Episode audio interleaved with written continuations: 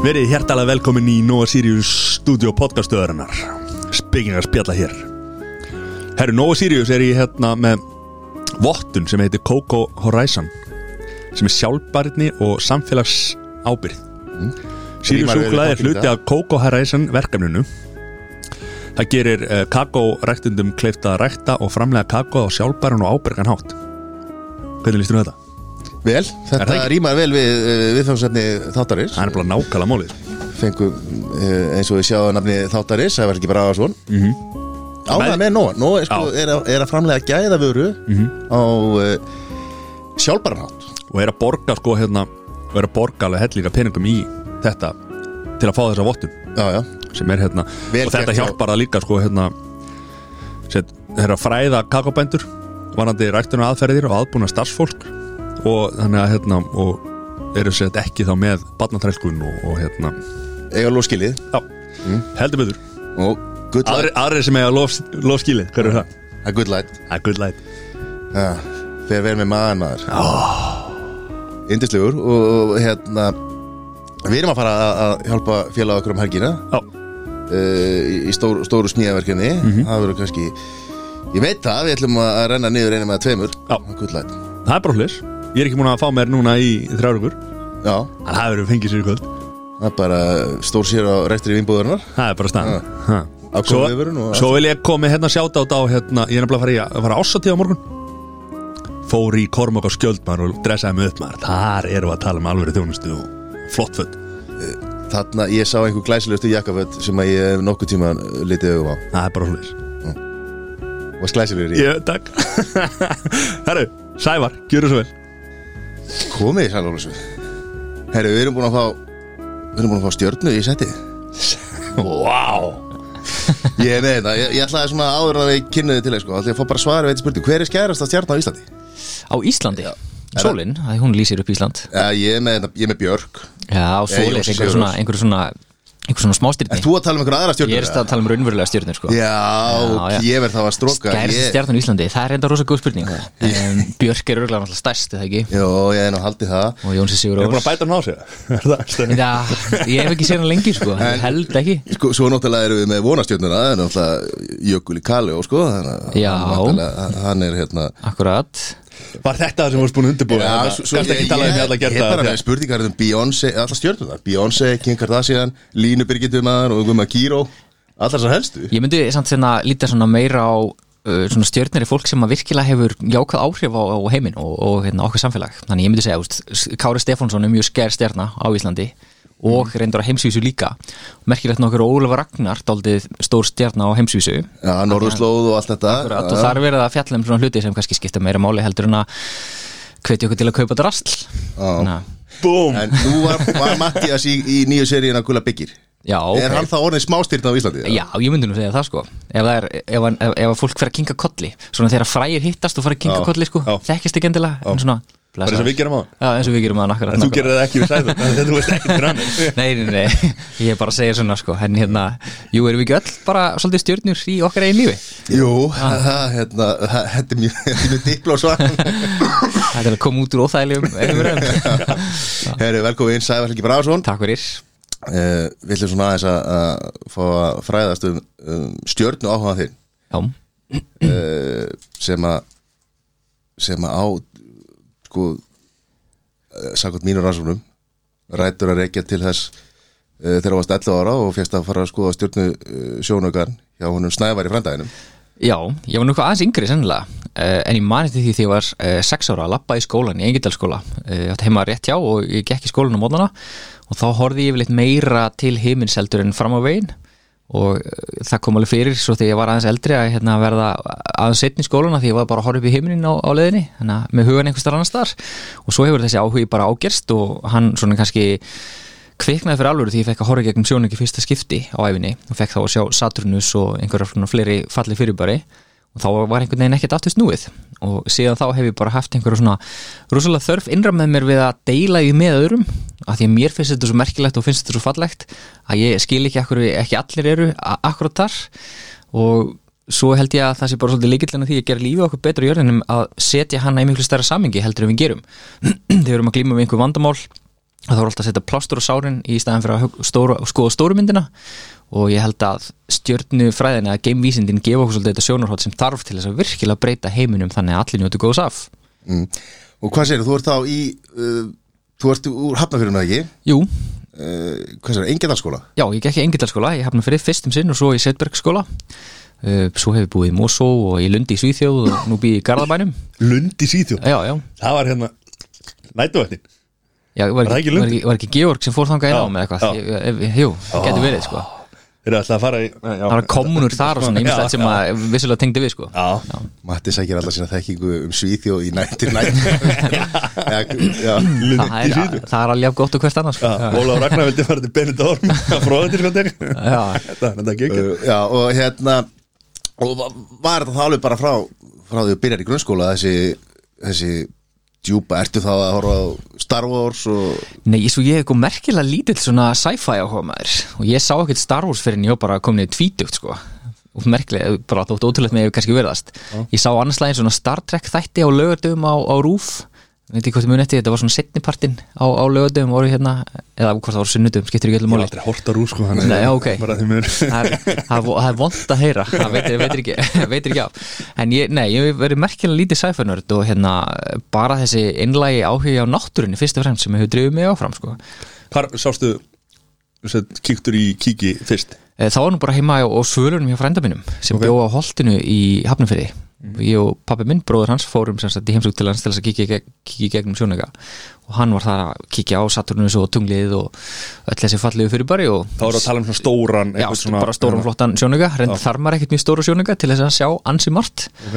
og hérna, já, en þá bara eins og segi var einhvern veginn ekkert aftur snúið. Og svo bara eins og ég sagði það, hef, hef ég einhvern veginn einlaga, barðslaga áhuga á náttúrunni og vísindum yfir höfuð.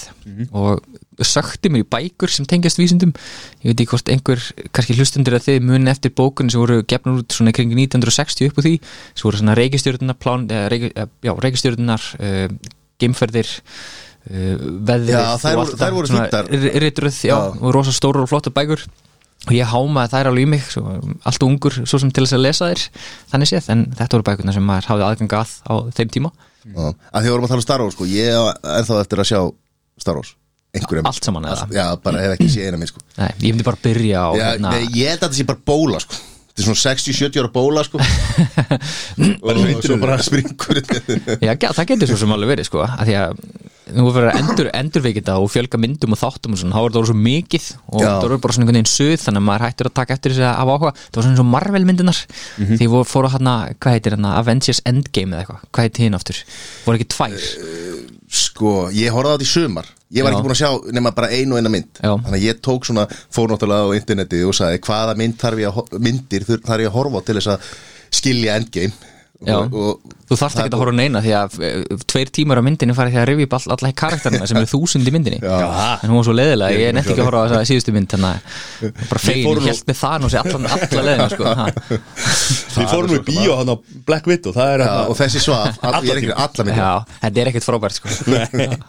Menn að missa sig yfir þessu Ég skildi ekki alveg henni Já, Nei, ég, ég, þú veist, samt, þetta er hérna, er, ég held að, ég held að þetta, þetta er, sko þú veist, okkur finnst svona myndir um geimin oft spennandi af því að, við, þú veist þó að þetta sé ekki raunverulegt af því að við vitum ekki hvernig þetta er hérna úti, eða þú veist, ekki allavega Þetta er ofta ekki eins og síndir í bíómyndir að hérna, þetta er náttúrulega bara svipað eins og eins og hérna þú veist, fullt, maður hefur áhuga á sjónum af því að já. hvað erum við búin að, Það þekkjum við 10% af sjónum eða, Akkurat, þetta er bara eitthvað svona dulufullt og ókannað sem að höfða til okkar því við erum alltaf bara svona könnar tegund. Við viljum gæjast yfir hólinu og sjá hvað leynist fyrir aftan þannig að ég held að það sé kannski svolítið það sem maður drýfur okkur áfram. Líka geimurinn ókveikjandi að því að, þú veist, ef maður tekur þessa hjálminn þá er maður svo gott sem steindauður fyrir ekki hratt og öruglega það að fara út í, út í geim? Já, ég var alveg heldur betur til það og ástæðan er bara svo að sjá jörðina úr fjarska.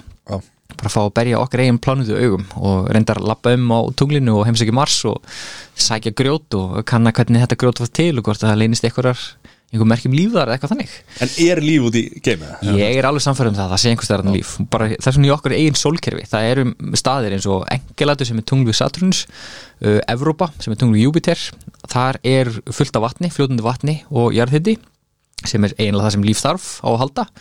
Og næringarefni líka sömulegis þannig að það eru aðstæður fyrir líf en hvort að leynist líf það er ekki, við höfum ekki hugmyndum með þetta. Svo er alltaf að vera að tala um eitthvað hérna. Já, það er einhverjar, einhverjar hérna, örverur eða eitthvað Er það líf eða? Já, já, já, já. Veist, ekki spurning Já. þú, það, það er stundum vond fyrir þig þegar þú kemst í snertingu við örverur og þess vegna, já, því ég veit þú vinnur hjá Nóa eru hérna, þið vantala getið hreinlætis ekki satt Jú, jú, jú. af því þið vilja ekki örverur komist inn í Já, já. aðra manneskjur og svona en og það er þetta svona, svona áhugavert hjá til dæmis NASA og ESA er svona Planetary Protection Officer það er satt, sá sem heldur utanum eða gætir þess að þegar við erum að senda gerfitungl til annar reikistjarna að þau séu döðhreinsuð í alveg döðlur sko og ef við erum að segja síni að þá séu, séu viðbúnar þannig að það er mjög alveg öruglega ekki neitt líf þar inn í steinunum en það komist allavega ekki út og getur þá drift út úr sér. Hún heldur betur verið gerðar hérna, myndir um eitthvað slíkt. Já, já komið þá einhver, einhver lífverur frá já, já, til okkar, þú veist eins og til dæmis þegar að tunglfæranir kom heim frá, úr fyrstu tunglfærunum að þá voru þeir sendir í þryggjavegna sótkví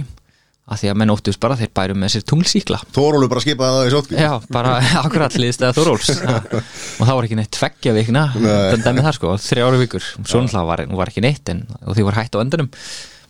Já, ég er Það nú er að koma ný, ný Venom mynd. Ný hvað segirðu fyrir ykkur? Ven, ven, Þetta er ekki Venom? Ég veit ekki eins og hvað það er. Það er, það er eitthvað held í DC eh, DC komið sko. Já. Það er yfir sko, þú veist, það kom hérna geimfar og Já. það voru geimveru sem að eru svona geta þú veist geta orðið að einhverju gumsi og geta Umbreytt sér og- umbreytt sér og komast inn í Menn in Black fyrir þú veist 2021 Já, ok, ok, þú veist, ok og það er einmitt, einmitt svona það, þú veist, það kom bara með eitthvað það hérna, þau geta, þannig komast geimverur Já, til, til jarðarinnar sko. Hvað hérna, núna fórum við á tunglið Já, og af hverju er ekki hægt að gera þetta aftur? uh, því að við höfum ekki átt, átt eldflög og geimfar til að komast til tungsins síðan 1972 Það er bara það er bara svarið. Þetta er svona eins og hérna að við ætlum að fara til útlanda og við ákveðum að smíða eina hérna Airbus 380 flugvel eða tíu slíkar og það voru bara nokkri sem komist í þessu utanlandsferðir en svo þurftu alltaf að henda þóttin eftir á.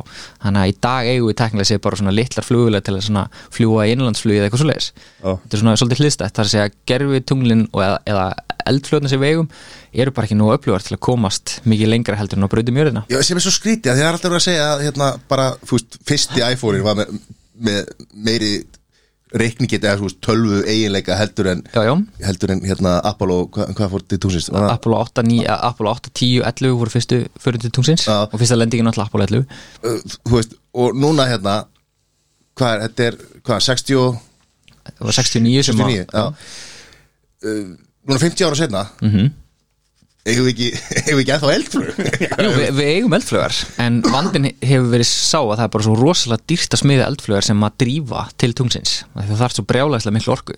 Því það er hérna þingdakraftur virka svolítið þannig að hann reynir alltaf að toga þið tilbaka eins og þið kannski hafi heyrt eða hérna, lendi í sjálfur er það ekki, það reyna að hoppa. Þið, þið vilja að hann vil alltaf toga ykkur niður aftur og til þess að komast til dæmis til tungsins þá þarf þetta yfirgefa þingdarsvið jarðarinnar. Og þá má ímynda sér hans bara eins og, eins og lægðið eða einhvern brunni eða eitthvað slíkt. Þannig að til þess að komast upp þá þarfst ákveðin hraða. Og ef þú ætlar að hafa búnað og þrjá menn allavega um borð þá þarftu miklu stærri eldflög til þess að komast að drífa upp úr þessum brunni. Og á endanum þá kemstu upp hæðina og þá byrjar bara detta í átt að næsta brunni sem er þá tunglið í þessu tilviki. Eða sólinu og fyrir hinn áttina. Og eldflögurnar þurfa bara að vera ótrúlega stórar og öflugar til þess að flytja menn og búnað alla þessa leið og það er bara fyrst núna með SpaceX og hérna Blue, nei hérna Blue Origin. Blue Origin Já. og reyndar NASA líka sem að við erum að fá aftur getuna til þess að ferðast alla þessa leið, þá er bara framfærir í eldflöðatekni sem gera þær ódýrari þannig að þetta er alltaf spurning um peninga Já, já, en þetta er En þetta er bara fyrir ekki, en þetta er sko að því að það eru samsæðiskenningar að þeir Jú, bara jú. verið hérna á Íslandi að taka þetta upp eða eitthvað sko Akkurat Þú veist, og þá, er á 50 árum að þeir hafa ekki verið viljað komast aftur þarna. Já, já, en það er svolítið bara svona saga það hvernig við uppgötum hitt og þetta í heiminum. Það, það líður oft svolítið eh, líður oft svolítið langur tíma á milli þess að við förum aftur á staðinn þegar við erum búin að gera eitthvað í fyrsta skipti. Og það er bara á jörðinni. Það er erfið náttúrulega að gera þetta út í geimnum. Það sem að hérna talsverst erfið og, og hann er alltaf að reyna að drepa þig það sem að maður finnst magna er að að þeir hafi komist tilbaka. Já, veist, ef ég hef verið fættur þetta og ég hef átt að veðja hef ég sagt bara, heyri, þeir eru gonur sko. Þeir, Já, já, mæta- það- þeir komast ekkert aftur hérna inn í lofttjúbunum já, lofttjúpin og þú veist, þeir bara springa þar eða, uh, Já, já, það, það, svo hætti var náttúrulega fyrir hendi í Apollo 13 þegar var það sprenging í þjónustufari þessi svona sívalingslaga sem er svona eins og dós í læginu svolítið og svo er keila fyrir hona og í því þá var það sprenging og þá menn óttust að það hefði laskað mögulega hérna, hittaskjöldin á geimfarinu. En allt kom fyrir ekki sem betur fyrr þannig að þeir komist heil, heilur og húfi heim aftur. Uh, önnur hætta var í Apollo 8 þegar Apollo 8 fótt til tungsins á sínum tíma í desember 1968 að þá var ekki neitt svona varaafl um borð. Þannig að þeir fóru brautum tunglið og ef eldflögin hefði ekki virkað þeir átt að fara, fara af stað aftur til jarðarinnar þá væri þeir náttúrulega bara en þá sveimi um tunglið sem svona fylginöttur sko. Þess að ég er mjög smegur Í fyrsta lagi myndi ég halda að ég, væri með mikla innilóknarkendi í svona genfari. Svo þegar ég væri komin hana og ég örðin er bara orðin einhver lítill hérna, pýrvill bolti. Já, Ég held að ég er svolítið hrættur já. Það er líka fleiri góða sögur af því sko.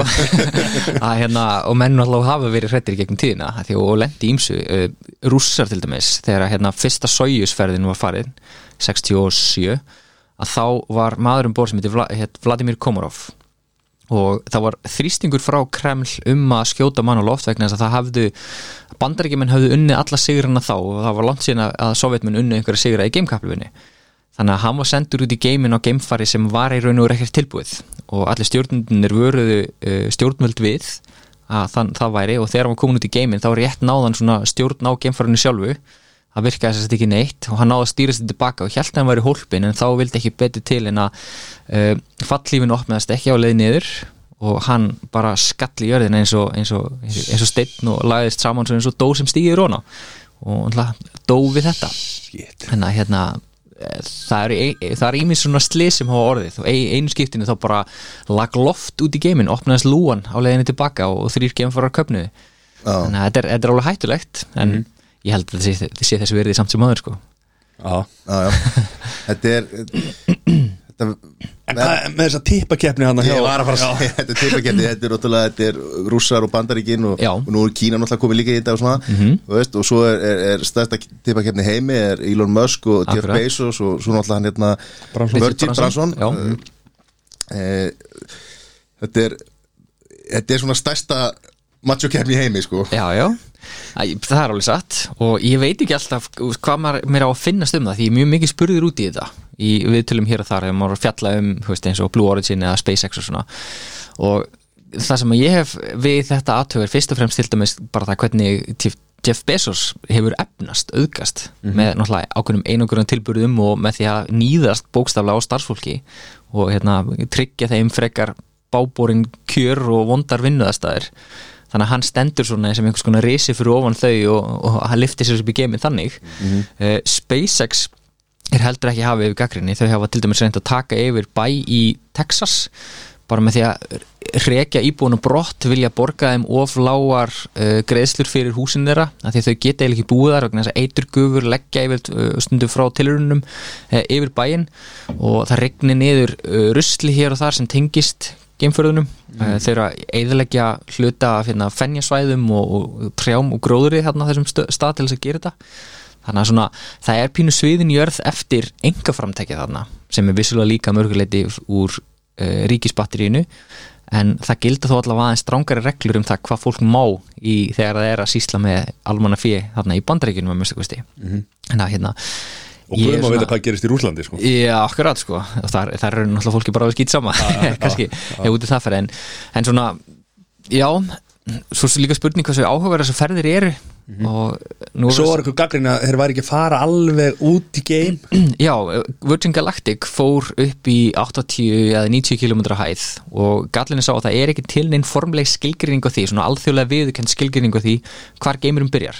En það er yfirleitt meða við cirka 100 km þannig að ef þú fer yfir 100 km þá ertu komin út í geimin og þá fór fólk að velta fyrir sér hvort það mætti katta þetta fólk geimfara. Og s- það var ákveð að breyta skil, skilgrinningunum þar. Og game-túristar geta ekki kallað sig geimfara bara alveg svo það að þegar við setjumst upp í flugul og flugum til hérna, Tenerife eða eitthvað svolítið Þá eru erum ekki við flugmenn. flugmenn sko. Já, þá erum við bara túristar, ferðamenn. Þannig að það var búið að breyta þeirri skilgrinningun allir hérna á Íslandi sem hafa átt við draumum að verða geimfarar, geta kallað sig það, geta þá það, þar alveg endi ekki með góð, allavega góður í samansku Hann heita Gísli. Gísli Gíslason, Já. jú, hann, hann er kunningi. Átt, hann, hann á átti- miða. á miða. Já, með hérna, Virgin Galactic sem fer á annars aðeins annan hátt. Í flugvél og svo er droppað og hérna, farið af stað. Já. uh, William Shatner og mm Co fóru núna bara fyrir hvað, teimur þreymur dögum út í geiminn. Og hann fór þá yfir þessa hæð og þetta er náttúrulega bara einhverja tíminna ferðir þar sem þú ert ferð bara upp og niður. Og þannig voru til dæmis fyrstu geimferði bandarækjumanna Alan Shepard, fyrsti bandarækjumann eins og fór í geimferð, fór í nákvæmlega svona geimferð.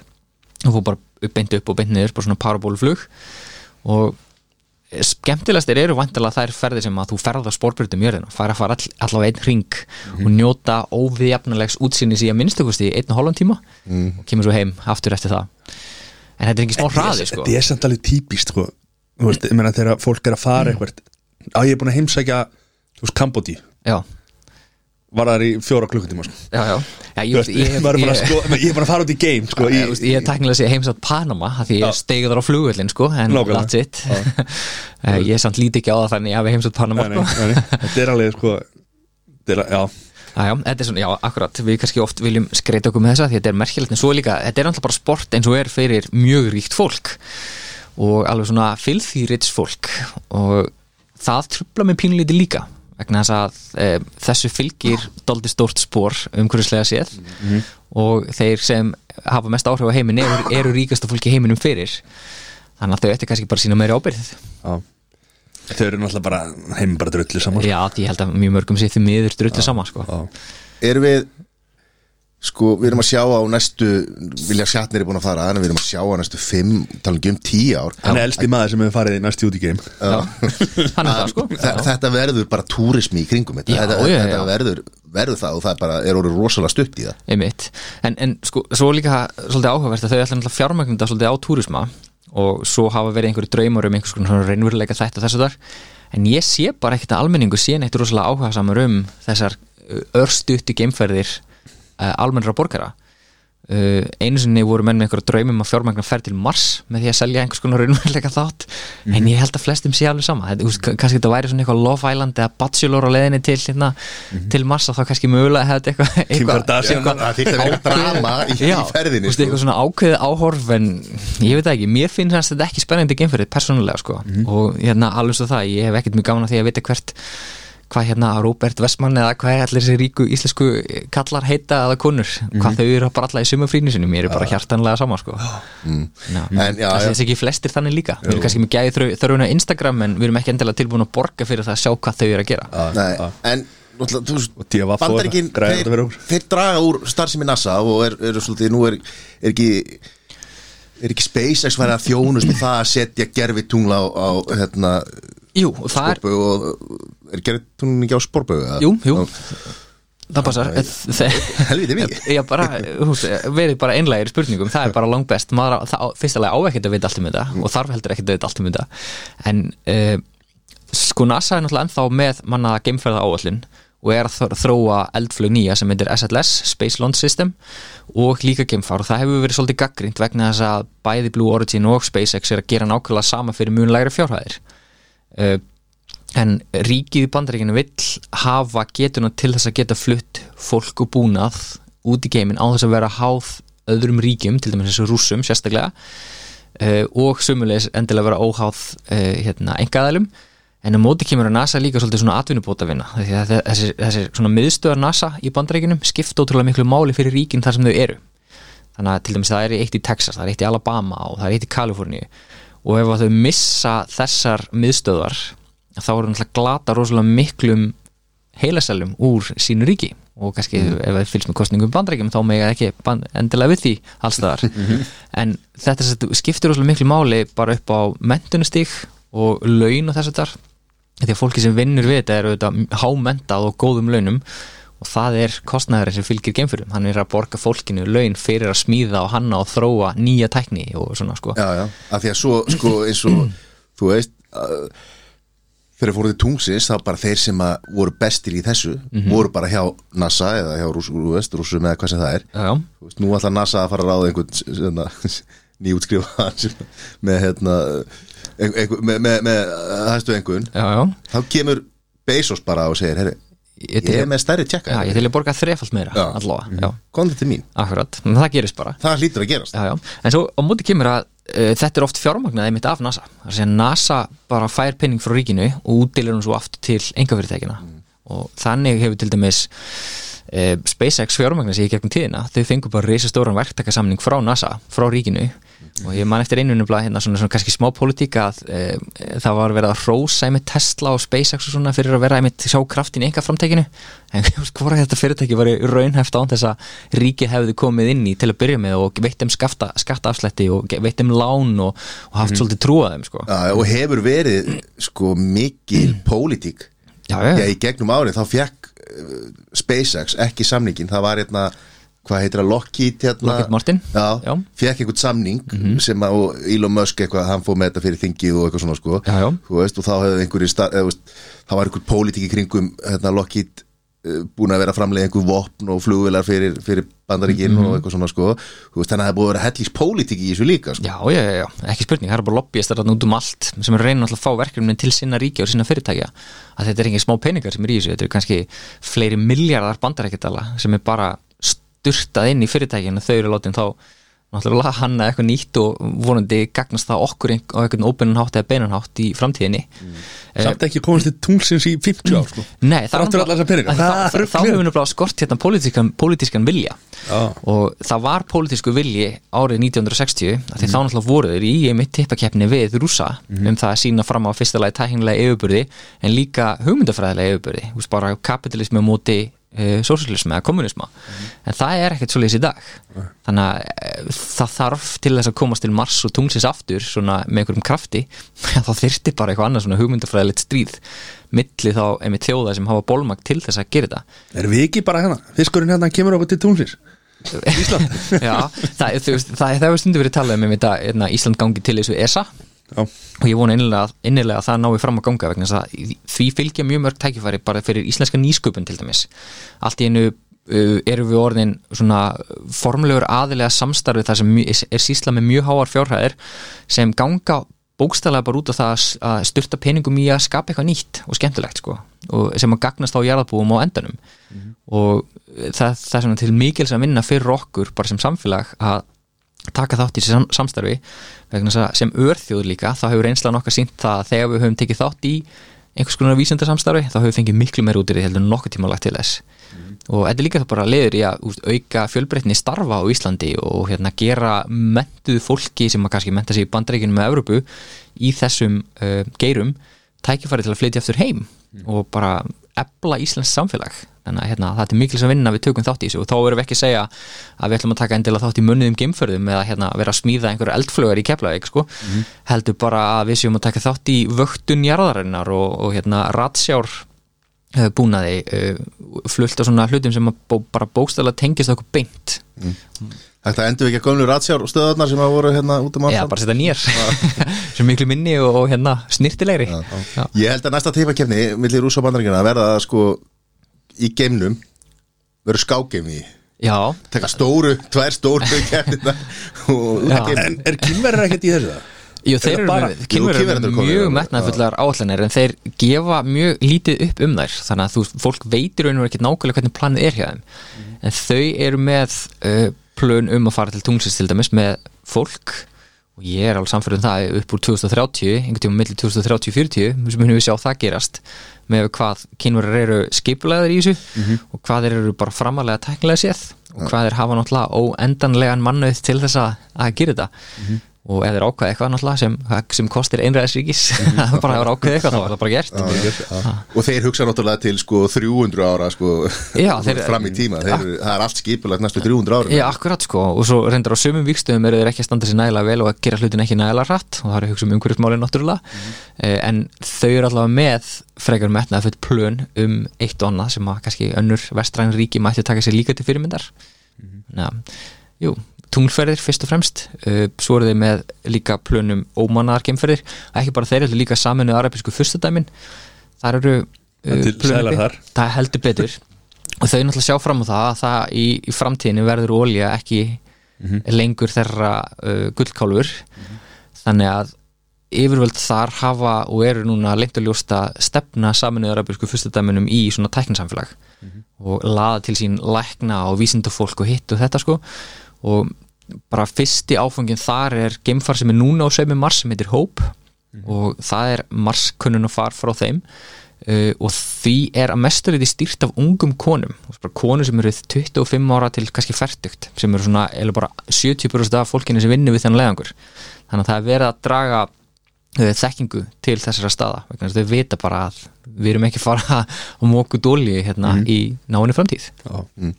Er þetta sem mun bjarga mannkyninu? Þú veist, við hérna þegar við tölum um umhverfismálin og, Mhm. og, og það er spárum að jörðin veri óbyggileg Já, á einhverju tímabúti Er þetta það sem mun bjarga mannkyninu? Það er að við þurfum að finna okkur nýja plán Uh, nei, ég held við ættum að gera bæði Það er að segja annars vegar að uh, fara út í geiminn og halda áfram að kanna hann, ekki spurning en uh, auðvitað fyrst og fremst hlúa að móðurjörð af því að þaðan förum við og þaðan komum við Við munum ekki leysa umhverfismálum bara með tækninni ekki fræðilegu sens af því að tæknin sem kallar á lausninar eða lausninar sem kallar á tæknina uh, eru bara oft þess eðlis að við þurfum að brjóta nýtt land og sækja auðlindir hinga á þangað. Þannig að við þurfum að byrja því að fara betur með og nota minna af auðlindir mérðar og nota það á miklu skilvirkari hátt ef ekki á fara frekar ítla fyrir okkur. Uh, jörðin verður aldrei bygg, óbyggileg en það verður erfiðari fyrir mannkynni að draga fram lífið, sérstaklega ákveðnum stöðum í heiminum. Og fólki sem býr þar kemur auðvitað til með að flýja eitthvað annað. Og í heimi sem tilur 10 miljardar manna þá kannski sjá allir að það er eitthvað vandamál í uppsiglingu sem að er fullkomlega óþarft og hægt að koma í veg fyrir. Og um það snúast loflasmálin sko. þau snúast ekki um það að, að hérna, það verði ótrúlega næs hérna, sumarið á Íslandi með 25 stegi hitta reglulega en ekki bara 15 stegi hitta heldur bara það að þetta er röskun og samfélagi manna og dýra sem hefur áhrif á matvælaframlislu sem hefur áhrif á veðurfarið okkar sem býtir fleiri, verri storma, meiri rigningar meiri hittabilgjur, lengri hittabilgjur frekari þurka, uppskjörubrest þess að þar og fólk flýr náttúrulega þessar breytingar ef þar eru reglulegar. Og við höfum dæmi úr sögunni þar sem hreinlega samfélag hrundu út af staðbundum, tímabundum umhverfisbreytingum fólk fór bara eitthvað annað en þá voru ekki 10 miljardar manna á jörðinni. Þannig. Það er vandinn. Svona til að fara Easy, Já. það er eiginlega Nei, það er ekki, það er alveg, þú veist, já, Já, af að þessi hérna, umröða oft það sem, að, sem árætur er ekki til þeirra sem afnita vandanum að hún snýstu, hvað, það, það gerir ekki til þóttu jörðin hlýni, jú, það gerir bara víst til. Og við höfum bara einmitt dæmin úr sögunni. Hver er það sem hafa uppgötað það að jörðin hefur breyst á þér? Það eru lottslagsvísindamenn og akkur haldið þá lottslagsvísindamenn séu hrættir og þetta vita afleðingarnar og það er það sem þetta snýst um. En hvað getur við hérna á Íslandi, þú veist, ég meina ótrúlega margt. Við fyrstilega erum búin að sína fólki fram á það að það er hægt að e, snúa við orkugjöfunum, þar að segja að það er hægt að gangi gegnum orkuskipti. Það var ógeðslega dýrt og erfitt en við gerðum það samt. E, við, Hvað gerum við? e, við hættum að brenna kólum og olíu til að framlega rafmagnu hitta Punktur. Já, Ég var búin að glemja þér. Akkurat, og, og snýrum okkur alfarið bara að, að jarðhitta og, og fallvatni. Og það er ekkit öll lönd í heiminu sem búið svo vel að hafa aðganga bæði þessu en flest lönd í heiminum hafa aðganga á sólinni og vindinum og mögulega einhverjum öðrum orkagjöfum sem að, hérna, e- eru betri. Og þú veist, það, það, um það svolítið snúast málin. Við getum verið öðrum fyrirmynd þar lendi uh, við eigum allt undir heilbriði sjáarins í kringum landið okkar heilbriði þess að það komi hingað eh, hlýr, hlýr hafstrumar úr söðurhöfum í hafi sem er heilbriðt hreint og ekki að súrna. Þannig að við getum heldur betur láta okkur í heyra á þeim vettvangi þannig að, hérna, að að þetta er vandamál allra en ekki bara einhverjar forra mm hins vegar hefur þetta vandamál verið búið til af frekafáum, vestrænum ríkjum sem eru rík í dag. Og það er svolítið undir þeim komið þegar að leysa þetta, ef við ætlum að gera þetta á sangjarnan hátt. Þetta er svona eins og að halda partí sko, þetta ekki? Uh, ef ég held partí heima hjá mér þá ætlum ég ekki að láta börni mín þrýfa eftir mig, þá ger ég það sjálfur sko um, Það er samt þetta fárlega góð Alveg rétt upp. Hann heldur við séum algjöru hálfvitar alls ekki sko. Það, þetta er bara svona að því, að því kannski ég vinn við umhverfismál og hefur unnið nú um umhverfismál undanfarið, undanfarið misseri. Og mann fallast stundum hendur og maður vil stundum bara gefast upp sko. En það er bara svo mikið í húfi. Og eitt svona áhugverð sem rann upp fyrir mér fyrir ekkert svo lengur síðan var að krakka sem eru að byrja skóla núna stíga sinn fyrstu skrefi grunnskóla í dag verða jafn gömul Joe Biden árið 2093 bara í lók þessar aldar sko. Þannig að við í dag erum að kenna börnunum En Joe Biden er eiginlega, ég sá hann lappa núna um Hann og hann er bara gjössanlega farin sko. Já, hann er, hann er rosa gammal sko. Já. En það setur þetta í ákveðið samingi Fólki sem er rosa gammalt núna kemur ekki endilega til með að upplifa verstu uh, áhrifin. Að það er að taka ákvörðin um framtíð krakkana sem eru byrjuð í skóla núna sko og það setur svolítið miklar ábyrð á okkar herðar að hérna, ok, við eigum ekki að varpa vandamálun á framtíðina. Við maður leysa þetta núna þegar það er ódýrar og auðvöldara Ég er alveg, ég er alveg sammála, sammálaður hennar skilur og auðvitað hugsa maður um veist, maður hendur ekki rusli hvað sem er og maður, veist, maður er alveg meðvitar um sko, veist, og reynir að flokka og allt þetta. Ég við ekki alveg, ég er ekki besti maður en hann en svo, þú veist, svo fem maður til Amerika eða eitthvað, Mhm. fyrir eitthvað matabóð það er bara 40 papakassar og, og, og hérna, Já, flasklös og þú veist, það er, Einmitt. svo er þessu öllu bara hent í sama gáminn og, og ekkit vesen skilur já, já, Þú veist, manni fallast hendur. miklu, miklu stærri skala skilur Já, og þá er einmitt eh, mikilvægt að hugsa til þess að við erum öll í sama gameskipinu sko. og það er ekkert engamál bandaríkjumanna hvernig þau fara með sitt land og sína hérna, eh, sitt umhverfi af því að á endanum fer þetta allt einhvern tíman veist, maður sem ákveður í, í dag að setjast upp í Ford 350 bílinn sín í Texas og menga ógeðslega mikið með því að keira það drasl mm. uh, samþyrna sem að eru losar þær eru komin til Íslands eftir fjóra-fimm dag sko. þannig að meng, mengunin veldur áhrifum hér þannig að þetta er ekki engamál hvers og eins nei. og allir einstaklingar skipta þar alveg máli en það, þetta líka undirstrykar uh, mikilvæg þess að við ráðumst í kerfisbreytingar mm -hmm. að segja að það verði allir umhverfis og vænir án þess að taka eftir því. Með öðrum orðum, þú veist að bílarnir okkar verði allir vistvænir, að hérna flugvilarnir okkar verði allar vistvænar skipin. Skipin, veist, og, og, en það sem mestumáli skiptir að uh, þá að rámagnu hiti heiminn sem framleitur á sjálfbærin og grænin hátt og það er stóra stóra verkefnið að breyta orkukerum heimsins. Að því það hefur líka keðjurkend áhrif að til dæmis gerir veist, það að verkum að það verður umhverfisvætna að framleiða plast og ál og, og stál og öll þessi byggingarefni sem við munum ekkert hægt að nota. Mm þannig að ef við getum gert hlutina betur, akkur gerum við þá, þá ekki betur, bara betur? Við þurfum að breyta hvernig framleiðum matvæli heimsins sko. Hvernig hérna, kakubönir eru framleitar og hvernig það eru fluttar á milli heimsotna og svo framveg sko. bara það að við draugum úr spórinu með því að breyta orkugjöfunum. Bara loflasmálinu eru svolítið orkumál sko. og það er náttúrulega að taka allir þátt í að menga bara eins og já, það tekur það, sko, vatni sem að fer í framleiðslu á einum já, er sama vatn og manneskja drekkur í sjö ári eða eitthvað. Já það er ekki Innbyrðir, 10.000 þú lítrar eða eitthvað sem þarf að fara í framleiðslu. Út í gallabuxur. Og, og vatni er náttúrulega bara ein okkar stærsta öðlind já, akkurat. Uh, Hvernig býrðu til gallabúsur og vatni? Ég Það þarf að rækta búmillin sem er í galabúsunum og svo þarf að hérna Já, kný, þú talar um knýja vélar og, og og- þrýfa og, og allt það sko Þannig Ég ætla að vera að búið til gallabúsur og vatni sko. Þeir eru að tala um vatni til þess að vökva og, Það er væntalega nýtt í eitthvað annað líka samt, sko, Já, ekki, er ekki alltaf sko, það er að hérna, stundum við verið að rekta þetta náttúrulega í löndum þar sem engar ákveðna reglur gilda um affallsvatni og svona eitt svoleið sko. Og eða þá hva, hva, hverju þú dælir ofan í vatnið. Mhm. þannig að vassbólin eðast, eðast og hérna mengast líka. Og þetta var vandamál á Vesturlöndum lengi, hér til dæmis á Íslandi þar sem við hendum bara öllu, styrtum bara ruslun okkar til dæmis í, í hérna uh, út í fallvetnin, árnar og svona. Uh, eitt frægasta dæmi sem að leiti til breytinga var þegar að kviknaði í Cuyahoga fljótin í Ohio í Bandaríkunum árið 1969 þess að fljótið rann fram hjá yðnaðasvæði og það voru enga sérstaklega reglur sem gilt um það hvað yðnaðurinn átt að gera við úrgangin sinn. Mm. þessi voru bara delt út í ána. Þannig að áinn var rauð af mengun og oljuflekkir voru hér og þar. E, það var náttúrulega ekkert líf í áni ef þú hættir útganga þá bara varstu allur eldur rauður á húðinni og þú þurfti bara hennilega að leggist farið, á spítala. Og svo dag eitt kviknaði áni og það byrtist myndir af því til dæmis í National Geographic og svona sem að þá mikilvægi þess að miðla þessum upplýsingum. Og það leiti til, hreyfinga, umhverjushreyfinga menn það var sett skömmu setna Clean Water Act í bandaríkinum sem bara setti reglur um það bara mætti ekkert dæla hverju sem er út í uh, árnar og eðilegja lífriki og svona þegar við stundum virðist ekki átt okkur að það. Við trónum á toppnum á svona fæðikeðinni sko. Og erum alltaf að höggu undan grunninum að þá enda það náttúrulega auglislega bara með, ósköpum sko. Þannig að við þurfum að hugsa vel um grunnin það er svona hérna, ég veit ekki, er, er ekki nóga Sirius með einhvers svona heimsmarkmið og flest, svo Jú. flest fyrirtæki sko? og ég tek eftir því að fyrirtækin velja svo oft einhver ákveðin markmið sem er bara gott og vel sko. En við gleymum því að grunnurinn á öllum hinnum markmiðinum er bara heilbritt, heilbritt vatn og heilbritt loft og heilbritt loftslag það sem að sérum að hérna, framleiða matvælun okkar og, og, og, og kolla kolli sko.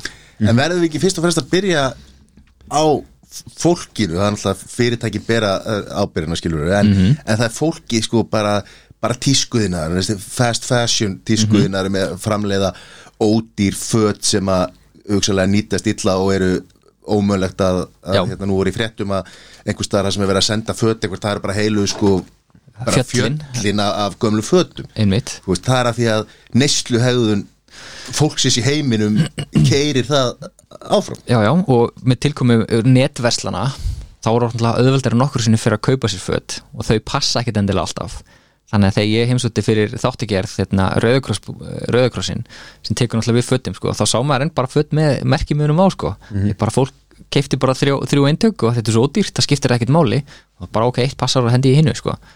Uh, og við kannski líka þurfum að vakna upp fyrir það að þegar við hendum ruslinu okkar þetta fer eitthvað, það er eitthvað, það verður að gera eitthvað við þetta. Þannig að við getum ekkert haldið áfram endalist að hérna, framleiða sorp og klórugu sig í kollinum. Hm, akkur fyllast alltaf allar hólutnar okkur og akkur endur þetta alltaf út í sjónum? Eða hérna, veldur lífriki skada eða bara fólki bókstaflega skada þannig að við þurfum að neita minna líka sjálf. Og það er, sorry, fucking erfitt í samfélagi eins og við búum við í dag þar sem hérna, við erum á Instagram og whatever, þá er alltaf verið að íta einhverju að okkur, maður sér svona áhrifavalda þegar í dag kaupir sér eitthvað drasl og taka svo mynda því þeir eru að opna pakkan Já. og kaupir sér tíu pör af skóm eða, eða 50. parið af skóm eða eitthvað svoleið sko. og búa til öfund og leiða svolítið til þess að íta undir nýsli sem maður þarf Svo ekki er að þetta vera bara orðið þú veist, og talandu Jeff Bezos sko, þú veist, þá er þetta bara pantur á Amazon bara, það one bara daginn eftir sko. Akkurat, bara buy with one click er, er rosalegt sko. Það því þú fær líka svona tvö, þetta er svona félagsálfræðið líka. Þú, þú los, enna, losar dopamínu eitthvað svo í heilanum að því þú fær ánægin og spennuna því að kaupa eitthvað nýjan hlut, rosa gaman. Mhm. við erum bara þannig lífurur og svo ertu rosa spenntur fyrir því að fá pakkan í henn og svo kemur hann og svo daginn eftir ertu búin að missa þessa, hérna, Mhm. þetta dopamín sko þannig að þú þarft næst, næsta fix og fer það bara aftur á netu og kaupir eitthvað meira sko Mhm. og bæði SpaceX og Blue Origin eru að byggja upp gerfinhætta þyrpingar í dag mjög mikinn fjölda af gerfinhættum sem svífa um jörðina og eiga að veita jarðarbúum internetsamband hvar sem þeir eru alveg saman hvort þú er ekki sáttu við það? Nei, ég er alls ekki sáttu við það og af hverju ekki? Uh, já, fyrsta lagi þetta kemur til með ítundi neyslu sem er vond, þetta gerir bara þessum stóru fyrirtækjum kleft að vera ennþá ríkari með því að selja okkur eitthvað drasl sem við þurfum kannski ekki á að halda en það er líka náttúrulega margt gott í þessu. Bara aðgengur upplýsingum og, og fleira þess að Sjálfkerandi bílar sem eru vantarlega með betri upplýsingar, færri slís Akkurat, mögulega eitthvað svoleið sko. En vandin er líka sá að þegar þú hendir kannski mörg þúsund gerfinhautum að þá ertu náttúrulega að breyta ásýnd himinsins að eilífu sko. Þannig að þegar þú horfur upp þe- og þegar ég horfur upp á þessum árstíma þar sem sólinn er frekar látt undir sjóndalring eða stutt komin undir sjóndalring að þá blasa við öll gerfutunglun sem að sveima yfir okkur. Og þegar maður tekur mynd af himninum þá eru bara svona rákir út um allt allt gerfutungl sem við erum með. Og þessir, þessar gerfunhættaþyrpingar eru þessi eðlis, það er koma til með að eiðurleggja rannsóknir uh, bæði í stjórnu aðtöfunum bara á, með stærsti sjóningum í heiminum uh, en líka útvarpstjórnufræði þeir eru að trubla ákveðna bylgjulengdi sem við erum að mæla úr geimnum uh, og eiðurleggja ásinn tíminsins þetta er basically bara mengun það sem þetta er orðið fyrir og hérna, fólk sem kemur inga að teka norðurljósa myndir eða eitthvað, eitthvað slíkt það verður alltaf bara rákir út um allt á myndunum og það er ekkert ásamlega heldur. Getum við ekki treysta á eitthvað eitthvað svartól eða, eða hvað heitir hérna? Svona einhverja sólskigni eða eitthvað þess að þar Nei, hérna, hvað heitir hérna alltaf sem, á, sem að hlutir færi á hverfa í, í svartólum Já, nei, svo heitir eitthvað hérna Æ, það er eitthvað, eitthvað þeim. Bermúdaþríðingur. Já. Tekur hann ekki bara þetta geimurust bara og lætur þetta hverfa Já, það var í óskandi sko. en þá er þið kannski breytunum breytt hann eða farið fram hjá þessum blessaða þrýningi sko. en þetta er sagt, uh, í raun og veru bara líka réttur sem minna, hvað rétt hafa fyrirtæki eða einhver til þess að uh, breyta himnunu þínum Já, og En þeir eru bara að fara að gera þetta já, já. Þau byggja um það rétt að því að þau eru með einhverja kuna kaupendur eða viðskiptavinir sem að keira fyrirtækið áfram. Já, já, og vilja græða mér Og, er að segja, og, og þeir græða það því að það er einhverjir tilbúnir að sem að, þú veist, vilja borga, borga fyrir og ekki akkurat. Þannig að þar eru við auðvitað orðið vandamáli sko. Þannig eru þið bara núna alveg gjössalega ósaman sko, því þú vilt hafa þetta að segja Þór Vil Þú vilt fá þessar þyrpingar upp hann svo sért á sjálfkerrandi bíluðinum og með internet allstað, svo getur ég verslað á Amazon. Þetta er náttúrulega ekki gott sko. Nei, nei, ég, ég, ég held að ég vildi það ég var búin að heyra af þessu netti til dæmis sem Elon Musk er að þú getur verið bara einhver í a- sko, Amazon fruskoðunum og verið bara með fullt 5G samband sko. Já, já. en svo heyriði ég mig tala þetta um þetta geimrusl og svona og þá hérna Þá ég, ég er bara aftur til í að fara bara í hérna 3G eða hérna eða hva, fyrsta hvað fyrsta Bara í netti Já. Já, það, það, þetta er nefnilega alveg vandasamt sko, því að það er alveg góður hugur að mörgu leita bakvið bara veita fólki aðgang sem að, að, hérna, sam, að um heiminum sem hefur ekki þann aðgang núna. Það er vissulega gott en uh, svo á þetta líka það sem ég hef lesið meir og meir um þetta dálítið rætur reykja til þess að í bandaríkjunum hafa fyrirtækin ekkit staðið sem nægilega vel í að útvöga internet, góða netþjónustu í til dæmis dreifðari byggðir í bandaríkjunum. Þannig að þá er þetta sem mögulega lust til þess að veita þessu fólki aðgang internetinu en mm hvernig notu við sér internetið? Ég ætla svo sem ekki ákvæða það fyrir fólk en við erum ekkit frábær þetta er, þetta er nákvæmlega sama og bara interneti yfir höfuð sko. Já, Þú veist, já. þetta er ótrúlega gott Já, já. og þetta er ótrúlega vond. Akkurat, þetta er bara sem svo öll tækni að sjálfsögðu, það er þetta að bæði til góðs og íl sko. og í þessu tilíkja því að ég hef einhver, einhver tilfinningarlega tengslu í heiminin að þá kallar þetta fram þessi viðbröði mér að ég er ekkert sáttur við þetta sko. En ég get alveg skilið það að einhver manneskja sem er að reyka fyrirtæki og sem að krefst þess að fólk hafi internet aðgang uh, hérna, sé mjög sátt við þessa, þessi plun og hefur engin tengslu í heiminin en það er akkurat eitt af því sem ég vil gera það er að, hérna, að fá fólk oftar út til þess að kunna að meta uh, svona, þú veist, eins og talar um með Amazon, þú veist, ef þú ert inn í Amazon hvað er það þá að hangi í símanum? Þú veist, út með bara stórkuslega plöntur og líf og allt í kringu þig. Þú veist, njóti þess. Það, er það ekki líka bara vandamál? Það er, maður hangir alltaf í síman sko. já, já, svo er bara ef að maður missir síman frá sér þá er maður bara alveg gjössalega Já, eða þá að það er brjála frelsi. Hafið einhvern tíma lendi því að skilja síma ykkur eftir óvart heima, maður er svona, maður fer svolítið að titra einhvern veginn, bara byrju fó, það er einhver svona extension of me, gleymd einhvers þar annars staðar. En mér finnst þetta svo frábært. Allt í hennu bara, er ég aldrei að fykta í einhverju drasli, þetta er svona þegar Facebook datt að út um daginn, bara vá þú líkt frelsi að vera laus við þetta drasl sem Hversu Facebook oft er sko. fór maður og aðtúaði hvort það væri komið í gang sko. Akkurat, Það er verið fullt að skilabóðum að býða eftir mér sko, og það messenger sko. En manni finnst samt þegar maður maður glemir símanum já, þá hugsa maður bara, ok, það er einhver komin spítala Já. að reyna að ná í mig. Akkurat, batnum mitt núna, slisi, sko. sko, akkurat, svo gerist náttúrulega aldrei neitt en við erum bara svolítið skrítin tegund þessu liti en það sem fyndi, sko, að það sem á að þannig að ég veit ekki hvernig ætlum að brjótast út úr þeirri bublu, sko. En það, ég kannski við finnum það hjá okkur sjálfum. Ég var eins og fyrirlistin nefnilega á uh, konu sem að uh, segir hún sé, eða svo kallar sig framtíðafræðing ég veit ekki hvort það sé gráða, þannig ég ætla ekki að segja hún sé framtíðafræðingur en það getur vel verið. Þannig að jú, við köllum hana þá bara framtíðafræðing það kalla lefum henni að njóta já, bara. Uh, og þá var hann að tala um ferðalög framtíðarinnar sem færa mesturliti frambæri gegnum svona síndar veruleika gliru ég bara, oh my god, hvað það er umurlega framtíða sem, þú er bara svona dystopía sem er alls ekki fara. Værið til í að sitja heima í sófunum ykkar með hérna gleru, hugsaðlega einhvers konar hérna, headphonea að södra bjórin eða, eða viskið eitthvað, eða whatever uh, og bara horfa á mannlífið í New York eða, eða hérna veist, horfa á ströndina. Í staðan sem geta lappað út í sjóinu og hérna fundið san- sandina á tánum og veist, fundið hlíuna sem að fylgi sólinu þarna og svona sko. Já, en þú veist, verður þetta ekki eitthvað svona kitt þú kaupir eitthvað, eitthvað kitt og það er svona sandur í kassa sem og svo er eitthvað svona lyktar hérna, Já, já. spray. Vissulega sko, en þetta er bara hvort, hvort er meira verið að sjá píramindina með einaugum heldur en að sjá það bara mynd? Eða, eða mónulísu eða hvað það er fyrir mér er það ekki spurning Nei, það er miklu skemmtilega að fara á staðin og sjá þetta já. að því að En við þurfum að menga til þess að komast á staðin Já, en þá ætlum við að hérna, breyta því hvernig eldsneiti flugulega Já. nota sko. þá ætlum við að vetnisvæða flugið og rafvæða flugið eins og við getum og minna, þannig að það eru lustnir þannig allstæðar sko. við þurfum bara að drullast til þess að taka þátt í þeim sko. En akkur er ekki bara, núna, akkur er ekki búið að segja bara, herru, Ísland verður bara ekki með bensín bíla bara hérna sko það er búið að gera það en Já. það verður 2030 og það finnst mér bara mjög uh, metnaða löst markmið. Já. að því að við höfum næg orku til þess að knýja allan okkar bílflóta uh, á rámagni og uh, það, því fylgja margir kostir sko. Mm. kostirnir er auðvitað þeir að við mingum loftmengun í leðinni og ég held að við tengjum meira við loftmengun heldur en, heldur en hérna gróðurús og lofttegundir sem streym úr bílunum okkar en bara með því að hætta að brenna jarðefnielsniti að þá gerum við loftið hérna, frábært. Það er minni háfaði af bílunum. Ég ætla að ég veit að segja, hljóðmengun. Já, menn að þegar á mótnana þegar að fólk ræsir trukkana sína í kuldanum og það er bara eins og að segja traktor fyrir utan Svefnherbergis gluggaðin sko það er ekkert frábært. Við sofum betur. Við sofum betur, já akkurat. Þeir eru hljóðlættari og fara betur um umhverju en ef þeir eru á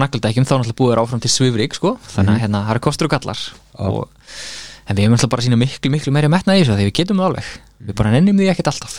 Já, já, og líka núna margir bíla uh, framleiðendur svona, þú veist Benz og, og, og fleiri búin að setja sér einhver markmið um það að, að þeir eru að fara að hætta framleyslu á, á Já. olíuknúnum. Akkurat, en þarna sjáum við líka kerfisbreytingarnar. Bara með leiður ríkið ákveður ok, bara frá þessum tíma þá bara megið ekki selja vörun ykkar, þá bara fyrir þengið, hó, hú, þá erum við að fara að gera eitthvað. Þannig að það skiptir bara svo miklu máli að ríkið leiði breytingarnar og fyrirtekin fylgja alltaf eftir að því að markaðurum bregst alltaf við eins og kannski þekkið. Og finnum þá bara upp nýja leiðir sko. Og stundum eru það leiðir ekki fullkomnar en það er ekkert fullkomin sem við gerum sko. Við erum samt að skipta út mjög ófullkominni tækni fyrir tækni sem er betri. Og við þurfum kannski að horfa oft meira jákvæðum augum á breytingarna sem er þessi stað þótt að sé ekki fullkomnar þá er það samt sem áður betri. Já, eins og er það ekki hvað er að lithium eða eitthvað hérna í batterjum Jú, já, Sem kópalt, er- svona kóbalt, kannski sérstaklega já. sem er náttúrulega unnið oft í eh, eins og hérna kóparbeltinni í Afríku með Afríkuliðveldinu og þessum stöðum þar sem stjórnar farið kannski ekkert upp á marga fiska þar sem að mjög alltaf múta stjórnmálumönnum og þar er náttúrulega er enga reglur sem eh, gilda um til dæmis barna þrælkunin en svoleiðis. Við, það, það var þannig á Vesturlundu líka hér áður fyrr Mhm. veit ekki hversu vel aðeins ykkur í yðnbyltingunni þið eruð en þú veist að lesa aðbúna barna í kólanáminum á sínum tíma þú veist, þetta er alltaf hrikalegt sko. Og, en það spratt þá litið náttúrulega til þess að fólk eru ósett við það og þau þessi voru setta reglur. Þegar ég bara man ekki eftir neinni eh, neinum árangri umhverfismálum sem við höfum náð á þess að ríki hafi komið þar við sögu, sett einhver reglur, hert reglur og sett lög. Bara við listum ósonu vandan á þann hátt við listum hérna hreinleika loftsins og hreinleika vatsins á þann, þann hátt. Þannig að ríkið þarf að íta bæði með vöndum og gulrútum verðlauna góða hegðun en kannski setja meiri svona vendi á slæma hegðun og hagfræðinga mæla með því þannig að þetta er ekkert eitthvað svona eitthvað umhverfis hippa hjal í mér, þetta er bara það sem að hérna á Nobelsruna hafa í hagfræði er að tala um og við þurfum að gera. Að beita bæði gulrútum og vöndum og þá leysum við þetta sko. Þetta er ekki flókið. Þetta er nei, flókið við, erum að sko. tala um, við erum að tala um framtíðin og við erum að tala um börnin og svona. Já. Nú segir Mattias alltaf að, að gerfi greindi framtíðin, ekki börnin sko. Já, uh, greindir, er henni ekki alveg saman um Mun hún ekki lifa hérna? Nei, við- bara við getum kent henni sko. Og við getum kent henni til dæmis að fara betur með öðlundunar uh, ég er nokkuð sem að það sé mjög mikið framtíða stef en hérna svona von Neumann vilar hafið heyrt um þær? Nei, ok, John von Neumann var starffræðingur uh, og svona snillingu snillingana. John von Neumann var þessi maður sem að fáir þekkja en hann læði grunnina tölvutekninni og bara forritun og þess að þar og úst, Einstein til dæmis sem er náttúrulega alltaf hafður í hæstu hérna, svona intellectual tölu sko, hann leit upp til John von Neumann að því að hann var sá maður var einstakur og hérna, það eru vélar nefndar eftir honum sem eru svona vitvélar sem framleiða e, sem fjölga sér. Hérna, við getum sendt svona vélar til Mars og þær myndu að nýta hráfnum sem eru á Mars til þess að endur uh, búa, búa, til, búa til fleiri útgáður sjálfum sér og halda svo áfram og þannig að leggja bara hreinlega undir okkur sólkerfið á þenn, þennan hátt. Og þetta er allt saman, saman eitthvað sem var hægt að gera og mér, mér er allar vetrarbrautina bara á 3, 4, 5 miljónum ára og fyrst að það er enga fór njúmann velar hjá okkur núna eftir þessum bestutum þá kannski er þetta ekki mögulegt því að vetrarbrautin okkur er svo gummul nú er kannski búin að missa mig alveg en ég ætla að þá að spóla tilbaka. Sem sagt með svona vitfélag Er þessi vel til það? Eh, Nei, ekki hann þá En þú veist, þetta er eitthvað sem er innan dauður. okkar Já, hann er, er dáinn En hérna, vélarna sem hann lýsir er raun og raun og bara tölfur með gerfugrind sem framleiða af, e, inntök af sjálfum sér. Já, þetta er eitthvað sem hann skrifaði niður að það væri hægt að gera það. Já, já, út Já, frá, já. bara hann sá fra, fyrir það að framfarir í forritun og tölvutekni Já. yrði slíkar að þetta á endunum yrði Hann er málið ekki bara búið til, búið, búið til myndum þetta, iRobot eða eitthvað. Örglega, og t- Terminator kannski líka einhverju, einhverju liti, eitthvað, slíkt. Þannig að hérna, en já, sagt, með þessum vélum þá gæti menningarsamfélag smíða svona vélar og svo bara drift þeim. Og ef þú reiknar út hversu lengi þær eru það að leggja undir sig alla vetrarbrautina að þá væri það svona 3 til 5 miljónir ára, eitthvað leis en nú er vetrarbrautin okkar kannski 10 miljard ára eða eldri. Og við höfum engin merki um vitvélar sem fjölga sér í okkar nágrinni sem við kunnumst ekki við að með svo kosti. Mhm. og bendir það þá til þess að það sé bara ekki þannig tæknivett menningarsamfélagi veiturbyrðinni að því hann fyrir búin Já, að leggja undir ef sig sko. það væri svona tæknivægt samfélag Já, einhverstaðar annars staðar, hefði komið fram og undan okkur sko. já, að það væri þær búinir að gera svona vélar og þessar vélar væri búin að Já, mögulega sko. Já. og það er það, það hérna færum hann að þessum því sem heitir þversum fermís og hún er svo að því að það er náttúrulega verðum að pæla um líf á hann til dæmis mm. við höfum ekki verið vörfin eitt líf, Úst, af hverju ekki ef alheimurinn er uppfyllur á lífi hvað er það allt og þá eru konar ímsa mögulega lausnin eins og til dæmis það að bara samfélög ná aldrei þessum, þessari tæknilegu getu til þess að geta lagt undir sér vetrarbreytina einfallega vegna þess að þau tortíma sér sjálf.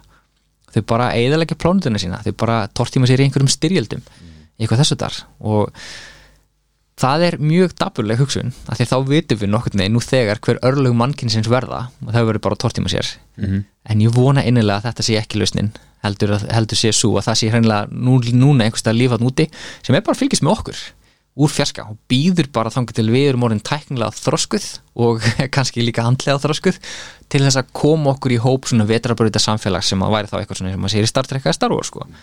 Við erum bara eitthvað gæludýr eitthvað Já, meni, það, það er ein, er einlausnin sko. Að það, þau vita að það séu gemurur sem viti nú þegar af því að það er líf hérna á jörðinni en þau ætla ekki að gera neitt. Bara look but don't touch, þetta er svona Star Trek með hugsunin, do no harm sko. Og en þetta hljóma kannski eins og eitthvað algjör drugg sko en þetta er samt í alvörin eitthvað sem að Þannig við erum er basically í svona. Truman Show. Það getur verið líka sko. Þannig að fólk sé bara horfa okkur og Já, já, það getur alveg verið, það hef ekki oft upplifað þannig eins og því, ég hlýta verið í einhverju svona tölvuleika eða trúmann sjóð einhverju. Þannig að það eru margar lausnir sko. Ég segi alltaf þegar ég ger eitthvað vittlust Þetta er bara, ég er bara í einhverju sjói hérna, sko. akkurat, þannig að ár, á, þú veist, einmitt, trúmann sjóð er náttúrulega geðvögg mynd sko. Og þegar hún hérna auglýsir tekur upp og þau sjá náttúrulega fyrir áhrifavalda nútímann sko. Já, allavega. Já, þetta er rosalegt. Við- Þetta eru stóra spurningar sko. Og líka bara, þú ert fullt af orðum en sem ég hef aldrei hitt á það sko. Veit ekki og það væri til sko. Sko, uh, ég vissi ekki Ég vissi ekki af því að væri stjörnu kíkir til dæmis í valurskóla já, fyrir að, að þú sem sagt að það verður svona sýnlegt með þér Mhm. uh, en hann var búin að vera, hvað er hann gamall? uh, það var búin að vera sjóningarna síðan 1976 segir maður rétt. Já, Já, og þá náttúrulega var ekki jafn stór byggð á Seltjarnanesi og, og sömulegis bara á höfuborgarsvæðinu þannig að þegar skólinn þar var byggður þá var ákveð að setja upp stjórnuturn og sjóningu þar inn. Og síðan hefur sjóningu verið þar bara alla guttu síðan. Uh, heiminin hefur reyndar versnað bara út af ljósum. Uh, þannig að núna er til dæmis bara besta stjórnuskoðunar aðstæða landsins á Hótel Rángá sem að ég tók þátt í að byggja upp með Freyrík Pálssoni eiganda Hótel Rángár og kíkir og, og Já, með tvo bara fullkomnustu sjóningu á Íslandi þar. Bara lítill höfbúl eða, Já, já, svona, já, kannski, við höfum búin frekar stór. Hann að jú, lítill höfbúl en við erum með tvo alveg frábæra sjóninga þar og ég er búin að vera þar síðustu tvö kvöld að sína ferðarfólki mm. Er það þá, sko Getum að fara ná hvernig, Já, þú veist, þú þarft svo sem ekkert að vera gestur á hótelinu uh, uh, þannig að þú getur bara ringt á hótel og spurt hvort að húsið sé opið. Já. og þá ertu bara velkomin í heimsók sko. Kostar það eitthvað? Nei, nei, nei, við rukkum ekki neitt fyrir það. Er En það- þú veist, það myndur að þykja það. Og færir inn síðan á barinn og fengir kaffibólla eða, eða, hérna, eða bjóri eða eitthvað. Fengir svo annan til að tengja heim. Eða viski, hann er með reynda geðveikt safna viski þannig á, á hótelinu sko Hvert er sæð þú farin? En er það þá, er það þá svo aðstæða því að ég veit talið 2008 þá ertu að tala um að byggja eitthvað í Krísuvík eitthvað stað sko. Já. Þannig að það er eiginlega svona svo, svo aðstæða já, sko, draumurinn okkar á þegar ég var formaður félagsins, stjórnumskurinn félagsins að hann var að flytja aðstöðuna eitthvað út fyrir uh, ljósmengurina út í myrkri og við höfum verið að reglulega fara til Krísuvíkur uh, þar sem gamla fjósið er sú, súrheisturðanir sem hann ennþá standa uh, og byggja þar upp einhvers konar litla aðstöðu og við fengum vilirði frá Hafnarferðabæði til þess að gera það. En svo náttúrulega bara reyndist erfitt að fjármagna ferlið. Og svona eftir að higgja er mjög fegin vegna þess að það er bara mjög kostnæðasamt og tímafrekt að halda svona uppi. Þannig að í middeltíðinni þá hefur Friðrik Pálsson samband og segir frá þessari hugmynd sinni um að byggja upp aðstöðu. Og bara frábær hugmynd þannig að við gerum það og fyrir vikið er þetta svona glæsilegst aðstæða landsins til þess að gera þetta. Já, Krísvíkuverkefni er ekki í gangi sem sagt núna. Nei, Mælið með að fólk fara á Hótel Ranga og gisti og fá sér viski og heldur betur, bjór og- romantíst, romantíst kvöld og undir stjörnunum og það er ekki slemt sko. Ég sagði það fyrir saman. Endilega. ertu, ertu eðlisfræðingur eða? Eh, Nei, ég er með próf í jarðfræði. Jarfræði? Já, og uh, já, en ég hef svona unni við stjörnufræði eiginlega að mestu leiti undan farið kannski tíu ár rúm eitthvað svo leis. Þannig já, ég mentaði mig í jarðfræði og ástæðan við svo að ég ætla að fara í svona reikistjörnu jarðfræði. Ég ætla að fara til útlanda bandaríkina eða Európu og læra uh, það að vera sérfræðingur í jarðfræði tunglsins og jarðfræði Mars og, og bara plánutunum sko. Mhm. Þannig að plánuturnar solkerfið mínar ær og gýr og það er mitt sérsvið, jafnvel þó ekki mér sem prófi í jarðfræði sko, að þá er ég miklu betur að mér um stjórnumfræði nokkuð tíman heldur Já, og, varst í, fórst í mennskólinn Reykjavík það ekki? Nei, ég fór í Flensborg, ég hafnafræði, ég er nefnilega í hafnfyrringur og hérna, ég Já. fylgdi bara mínum vinnum og félögum og, og hérna það að geta lappað í skólan eða hjóla það, það var eh, freistandi líka. Varstu þá í getur byggðaliðinu fyrir Flensborg? ég, Já, ég tók þátt í því öll mín ár og að ég geti betur við komumst einu sinni í sjónvarpi því miður við keftum ofta móti hérna MR, M1 og töpum í sjónvarpi og svo í útvarpi. Og vorum og hefðum átt að ná miklu lengra en við lendum á móti mjög erfiði móterjum sem á endanum unnu keppnar. Að já, Og þú líka tókst þátt í hérna stórgóða þetta meistarinn. Já, ég veit ekki hvar þær upplýsingar finnast ennþá sko. Það er lítið er nánast búin að gleyma því. Já, ég man, ég tapaði á einhverju spurningu um hérna ringadróttinsögu, hefur maður rétt. Ég var að keppa múti hérna Kristján Guy Burgess sem er einhvers konar ráðgjafi núna í grænum fjármálum. Já, hann var hérna aðstofamaður ráð Ráðherra, já. tíma, Akkurat, Katrínar Júliusdóttir getur það verið. Já, það eitthvað svo leis Já, en það er rétt, ég tekið þá og ég líka tekið þátt í útsvar. Eins og þátt fyrir hönd tapna fyrir þar. Þannig að ég mínar, hérna, mín reynsla af spurningi hérna með svo að tapa yfirleitt alltaf. En ég kenni náttúrulega hinum liðspunnum um það Já, sjálfsögðu, Já, þegar þau eru ekki nógu góð. Já, af því að sko Já, í, í gömlum gömlum greinum Já. þá segir að þú hafi mikinn áhuga á sögu og, Mhm. og svona sem er náttúrulega bara tengist jörðinni og tengist jörðunum það er nú ein, ein sko er náttúrulega bara sagfræði allt gerist fyrir rosa lengu síðan sko. og bara varst alltaf bara með hennan áhuga á að mm leita þér einhver, einhverja Mhm. Upplýsinga og þekkingu og vita meira Já, já, bara eh, eitt af mínu motto í lífinu er bara að læra aðeins með, eh, læra eitthvað nýtt um heiminu hverjum degi og reyna að sapna þessari þekkingu náttúrulega saman og hérna reyna að miðla henni síðan af því það er verið slikki ágætlega fyrir mér að miðla þekkingu og reyna að hafa svolítið áhrif á fólk til þess. Þannig að jú, þessi bara fróðleiks físn hefur blundað í mig bara frá þjá lítill. Og Þú ert að kenna hérna, í, á mentaskólstíði ekki? Já, ég var, ég var að kenna, ég fekk mér lausa núna loksins uh, á þessari önn. Ég var búin að reyna það lengi vegna þess að ég hef svo mörg önnur verkefni og verkefni sem er líka greiða betur heldur en mentaskóla vinnan og svo, mér bara verkefni sem ég finnast bara skemmtilegur og meira gefandi. En ég reyndar að taka núna uh, að mér kennslu eftir áramót í tekniskólanum og ég hlakka mikið til þess það er svona allt annar vettvangur heldur en ég var að kenna í MR frá 2015 og það var rosa skemmtilegt frábærir hérna, nefnendur og mjög gaman en mér finnst rosa nöðsulegt að breyta reglulega til. Já, já. Og varst ekki að kenna upp í háskóla eitthvað líka? Jú, ég hef tekið þátt í uh, unni mjög mikið með háskólanum í svona mentaverkunum hér og þar, það er að segja háskóla lestin, háskóla unga fólksins og, og þess að þar þar sem við erum að svona, ná til krakka og fóreldra og taka þátt í fræðsluverkefnum og vegum hans. En líka uh, hef ég verið að vinna fyrir hérna, uh, raunvísindastofnun í að mæla segulsviði jarðarinnar. Að fara annars lagið og, og gera handvirkar mælingar á því hver styrkur og stefna segulsviðsins er þetta eru svona langtíma mælingar sem sína náttúrulega fæsluna, hvort segulsviðið sé að breytast eða styrkjast, eða veikjast eða styrkjast. Og það búið að gera þessar mælingar síðan 1957 á Íslandi og alla svona langtíma mæliraðir í vísindum eru rosalega verðmætar af því það er náttúrulega að gefa okkur þá hugmyndum það hvort eitthvað sé að breytast eða ekki.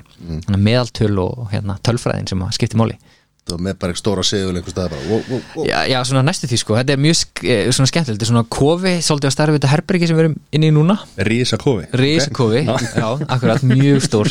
Og þangað, ég þarf sérst að afklæðast ef ég er með einhverja, einhver hérna, ef ef ég er einhverjum fötum sem er með málmum í eins og bara rænilás eða eitthvað slíkt sem getur verið segulmagnar, þá þarf ég að fara úr þeim fötum og klæða mig bara í galla sem er ósegulmagnar svo tek ég segulmæli út í e, segulmælingastöðuna og tek stefnuna og styrkin og, hérna, mæli þetta Þetta er bara svona mælir Já, þetta er bara mælir sem maður þarf að styrk, stilla rosalega nákvæmlega og hérna, Veit ekki af hverju ég fór að hugsa, hugsa um að þú væri nakin í einhverjum já, það er þetta, betri sag, við skulum hafa þannig, ég sé Ég nakkir bara klæða mig úr öllu. Ég bara, what? Já, ég, ég skulum hafa sögunum freka þannig, ég sé allsber þannig með segulmælinum Svo tekur þyrluna svona reglulega bara.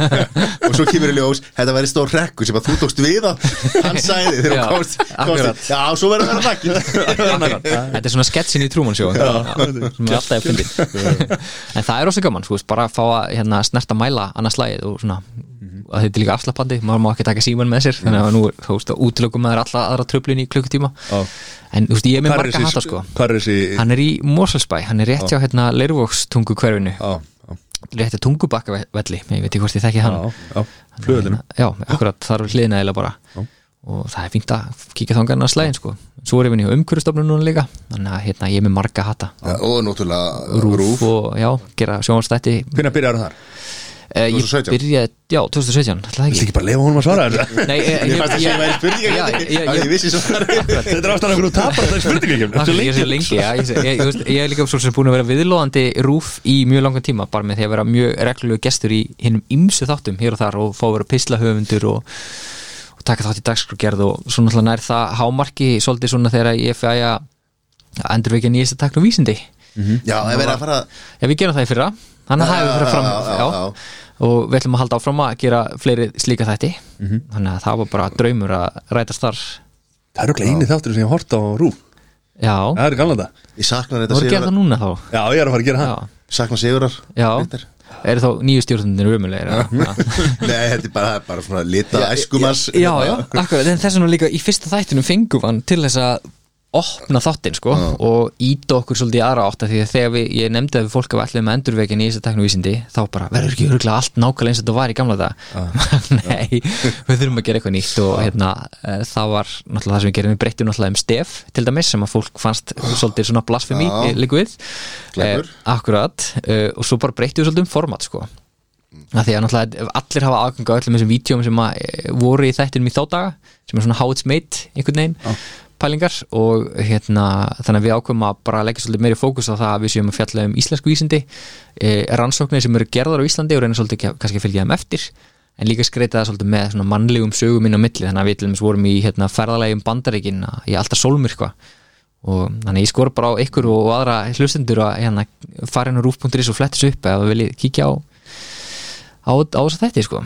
Ég ætla að segja að æskamann sem svo litur bæða Sigurði Ritter og svo hérna honum sem að sem að, sem sagt, fyrir fólk á okkur aldrei sem að byrjaði alltaf á spólunum að horfa á myndband er góð skemmtun. Já, já, já, Þessi hann hérna Gunn, nei, hvað hétt hann, ég man ekki hvað hann heitir. Já, það hétt, það var bara stór hluti að æskumann sko. Akkurat. En líka breytingin á ný- nýjasta takni og vísindi síðan hérna síðan að þá var þegar, þegar var háskólakeppni var veist, það var keppni þar sem var eitthvað bolti og hann þurfti að fara einhver braut og hann átti að koma og enda einhverjum stað. Er það nú eru er háskólandir að búa til bara einhverja ramaks kappa sko, eitthvað rugg akkurat, sem frábært nemend- gaman. Já, ég er að segja bara eitthvað ruggstórt og, og hvað þetta er búið að breyta sko. það er frábær svona hands-on nefndaverkefni en jú, hérna þessi uh, keppni, ég man ekki hvað hann heitir er ennþá til staðar. Já, hún er það já, já, og henni hafa verið gerð einhver skil eftir að nýstaknvísindi hætti að, þá að sinna þessu.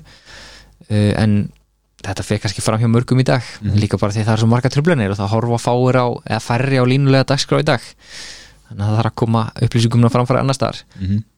Sér hendur eitt af því sem ég hef ágjur af persónulega, að því að hérna, mér er mjög andum það að við notum okkar eigi tungumál í að tala saman Já. og fræðast um öll þessi mál. En þegar internetið er all, allt um líkjandi þá getur verið rosalega erfitt að koma upplýsingum að framfæri til krakka og fullorðina og upphefðin kemur að utan. Það er að segja e, þegar við erum mögulega að fjalla um eitthvað tengt þessum vísindum eða annað íslenskum þáttum þá vekur það frekar litla aðtegli en ef að þáttur frá BBC segir nákvæmlega sama hlutin Þetta er að bara tala og Já, þá er þá allir bara, það er merkilegt, þetta er í fyrsta skipti sem ég heyri þetta. Já, En ég meina, ef að þú værir 10-12 ári í dag Mhm. Þá væri þú pottið að, lesa einhverjar enskar hérna, síður um stjörnufræði í staðin fyrir að lesa hérna, stóru bækurnar og sólina og það allt sem voru Já bæði og sko.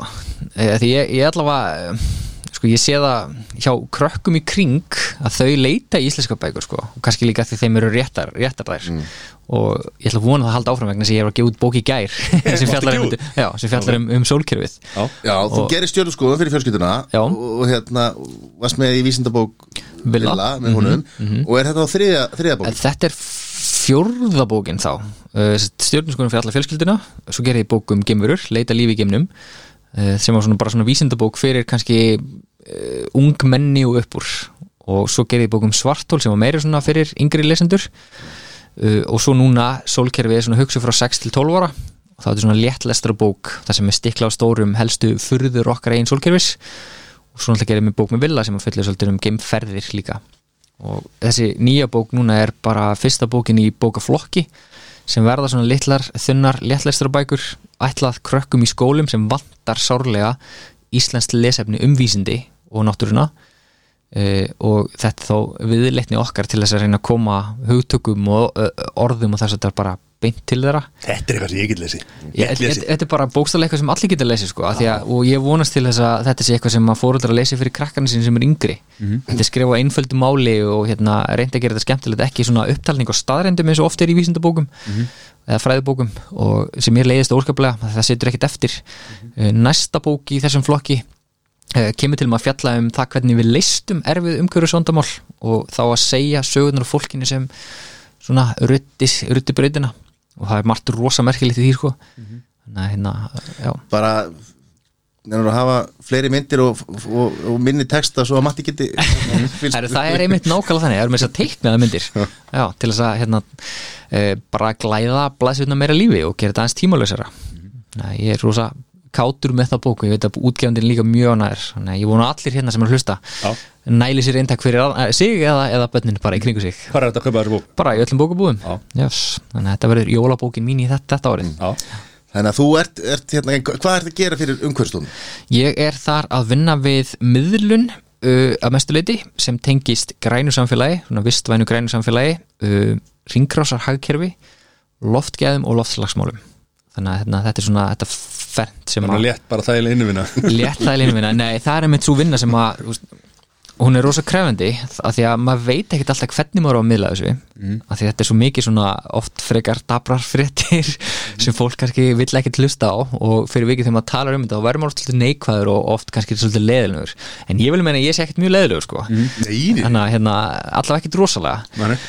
Kannski stundum en hérna, það, ég held allir séu leðilegir stundum. Já, já, eh, en það er líka bara skemmtileg áskurun að fá að fjalla um hluti sem að fólk vil kannski ekki alltaf heyra en reyna að fá þau til þess að hlusta og vonandi breyta ykkur í sínu einfari eða vera afl til breytingar fyrir samfélagið sem vantar svo sárlega. Af því að ég á tvo stráka, hann er 10 var 11 og hinn er bara að vera 7 mánuða og ég vil bara svo innilega að framtíð þeirra verði björt og fögur og betri en nútíminn minn sem er frábær fyrir sko. Þannig að hérna, og það er það sem að drífum maður svolítið áfram í þessu. Því ég veit bara, ég er algjörlega samfærum það að við förum í átta grætna samfélagi þá er það bara miklu, miklu betra samfélag. Það sem að við kannski erum minni hamstrar á hérna, einhverjum hamstrarhjólum að verða skapa einhverjum öðrum auð og tryggja það þá að loftu okkur óhreint og vatni óhreint og, og lífrikið gjaldi fyrir þetta er miklu frekka bara, við slugum að sá og hérna, hættum þessu hamstra keppni fyrir einhverja Eða aðra kapplöpu út að Já. Neyslu kaplöfinu Akkurat, þú veist, ég vildi ekki segja hérna orðið er bara hamstrarhjóli fyrir kapitalisman sko, til að viðhalda einhverju kerfi sem er að ganga frá jörðinni. Og kapitalistin er hluti af lusninni að sjálfsögðu en hérna við sjálf þurfum alveg stundum að bara slaka hans á og, og tilka sér á aðeins öllu þegar við getum nákvæmlega. verið bara saman og noti lífsins og veist, fá okkur viski saman eða rauðvin og bara maður er manns gaman og allt þetta sem að skiptir okkur miklu meira máli heldur en að eignast hluti sem við séðan bara hendum á endanum sko. eða þá að afkomendur okkar henda á endanum af því að þegar við leggjumst undir græna torfu að þá, hvað ætla það að gera allt rastlu okkar þannig að ég, Já, lí, já. sko, lí, lífstíl minn er þar alveg þannig að hann, ég reyna að vera skrætn það er bara ekkert hægt alltaf að því samfélagi býður bara ekkert upp á það. Þannig ég ætla ekki að blammera neitt sem að fyrir til útlanda annars slægið það í hérna smá fríið svo leis. ég ætla miklu frekar að blammera þá sem eru stærstir og valdamestum skaði sem eru þó oftast ríkast á fólki í heiminum sem fer mánaðarlega til útlanda bara að skreppa á leik eða að skreppa í golfferðina eða eitthvað þannig sko þess að ferðin Það hafa verður að horfa beint á okkur hérna. Þið- þið- Við erum ekki Nei, sko. þið, komið mér fyrir sjónir eins og svona menn sem eru umhverjusóðar Nei, nei, ég segi svona. Nei, hérna, við, við erum bara öll svolítið þáttekandur í svona þessu kerfi og, og ég er samferð- maður er að horfa inn á við og, og, og hvað getur þú gert skilur án þess að neita sér um allt sko, Akkurat, þú veist, þannig ég ætla ekki að segja þér að þú ert að hætta að borða kjöt og þú ert að hætta að gera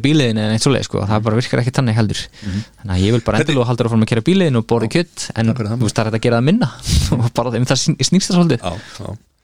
En hvað, nú hefur við fengið alveg gaggrinni fyrir þetta, þú veist, þínar skoðanir eða þínar, já, bara skoðanir og, Já, og hvernig sem er ekkert alltaf mínu skoðinni, sko, því að stundum er ég bara að segja staðrindina sem eru bara að blasa við vísindunum, sko. Hvernig tekur á svona þegar fólk er að Eh, drulla yfir þig tölum bara íslensku en að út af einhverju svona oftast er mér alveg sama sko. Ok. Eh, þetta er verra þegar foreldrar og jafnvel bara sonur eða, eða hérna kærasta eða am og afi heyr, heyra hvernig talaður um hann. Já.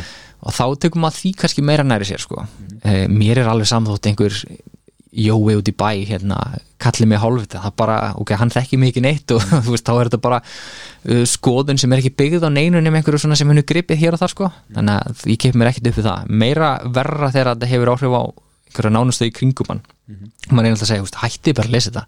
Þegar maður byrtist einhverju svona fréttir á hérna, maður sér andlit sitt stundum á fjölmjölum það bara, oh, hvað nú? Hvað gerði þið núna? Og þá ég smetla aldrei á þar En það verður Lest alltaf ekki fréttir eftir ekki, ekki sem fjallum um Það. verður alltaf eins og til dæmis þegar þú fóst í átakið hérna þegar var sólmyrkvin og glerugun Já, Þú veist, það þá, þá kom ykkur gaggríni var það ekki, byrju, hver, hver var gaggrín þá? Að það voru ekki öll börn á landinu eða eitthvað sem fengu hérna bara höfuborg eða var eitthvað, eitthvað Nei, það, var, sérst, það verkefni var mjög skemmtilegt sko, að að góðan viðudag árið 2014 fekk ég þessa hugmynd bara, hm, ok, það væri kannski bara svolítið sniðut að gera öllum klift að sjá uh, þennan blessaða myrkva bara með því að gefa þeim sólmyrkvakliru því annars það er í heiminum með börnum haldið inni uh, þegar svo náttúrulega reisi stað og mér finnst það fáránlegt, þú veist, bara, það er náttúrulega viðbörur reisi stað hérna úti sem maður skadar engan sko, mm. akkur gerum við ekki frekar bara klifta að horfa á hann? Þannig að ég fór í smá átaka að reyna að uh, afla peninga til þess að kaupa gliru og á endanum náðum við að kaupa uh, 8-10.000 gliru, ég man ekki nákvæmlega tölutna sko. Og það átti að fara langmestu leiti til allra grunnskóla á Íslandi. Og einhver hluti til framhaldsskólana en þú veist, maður getur ekki haft verkefni endurust stórt bara því að maður eru ekki ótakmarka peninga. Þannig að við gáum öllum grunnskólanemyndum á Íslandi og öllum kennarum og öllum sko hérna skólastjórnundum og matráðsfólki og allt saman í öllum skólunum glerun, þannig að allur skólinn geti alltaf farið út allstar á landinu og svo áttum við einhver gleru eftir sem við ætlum að selja.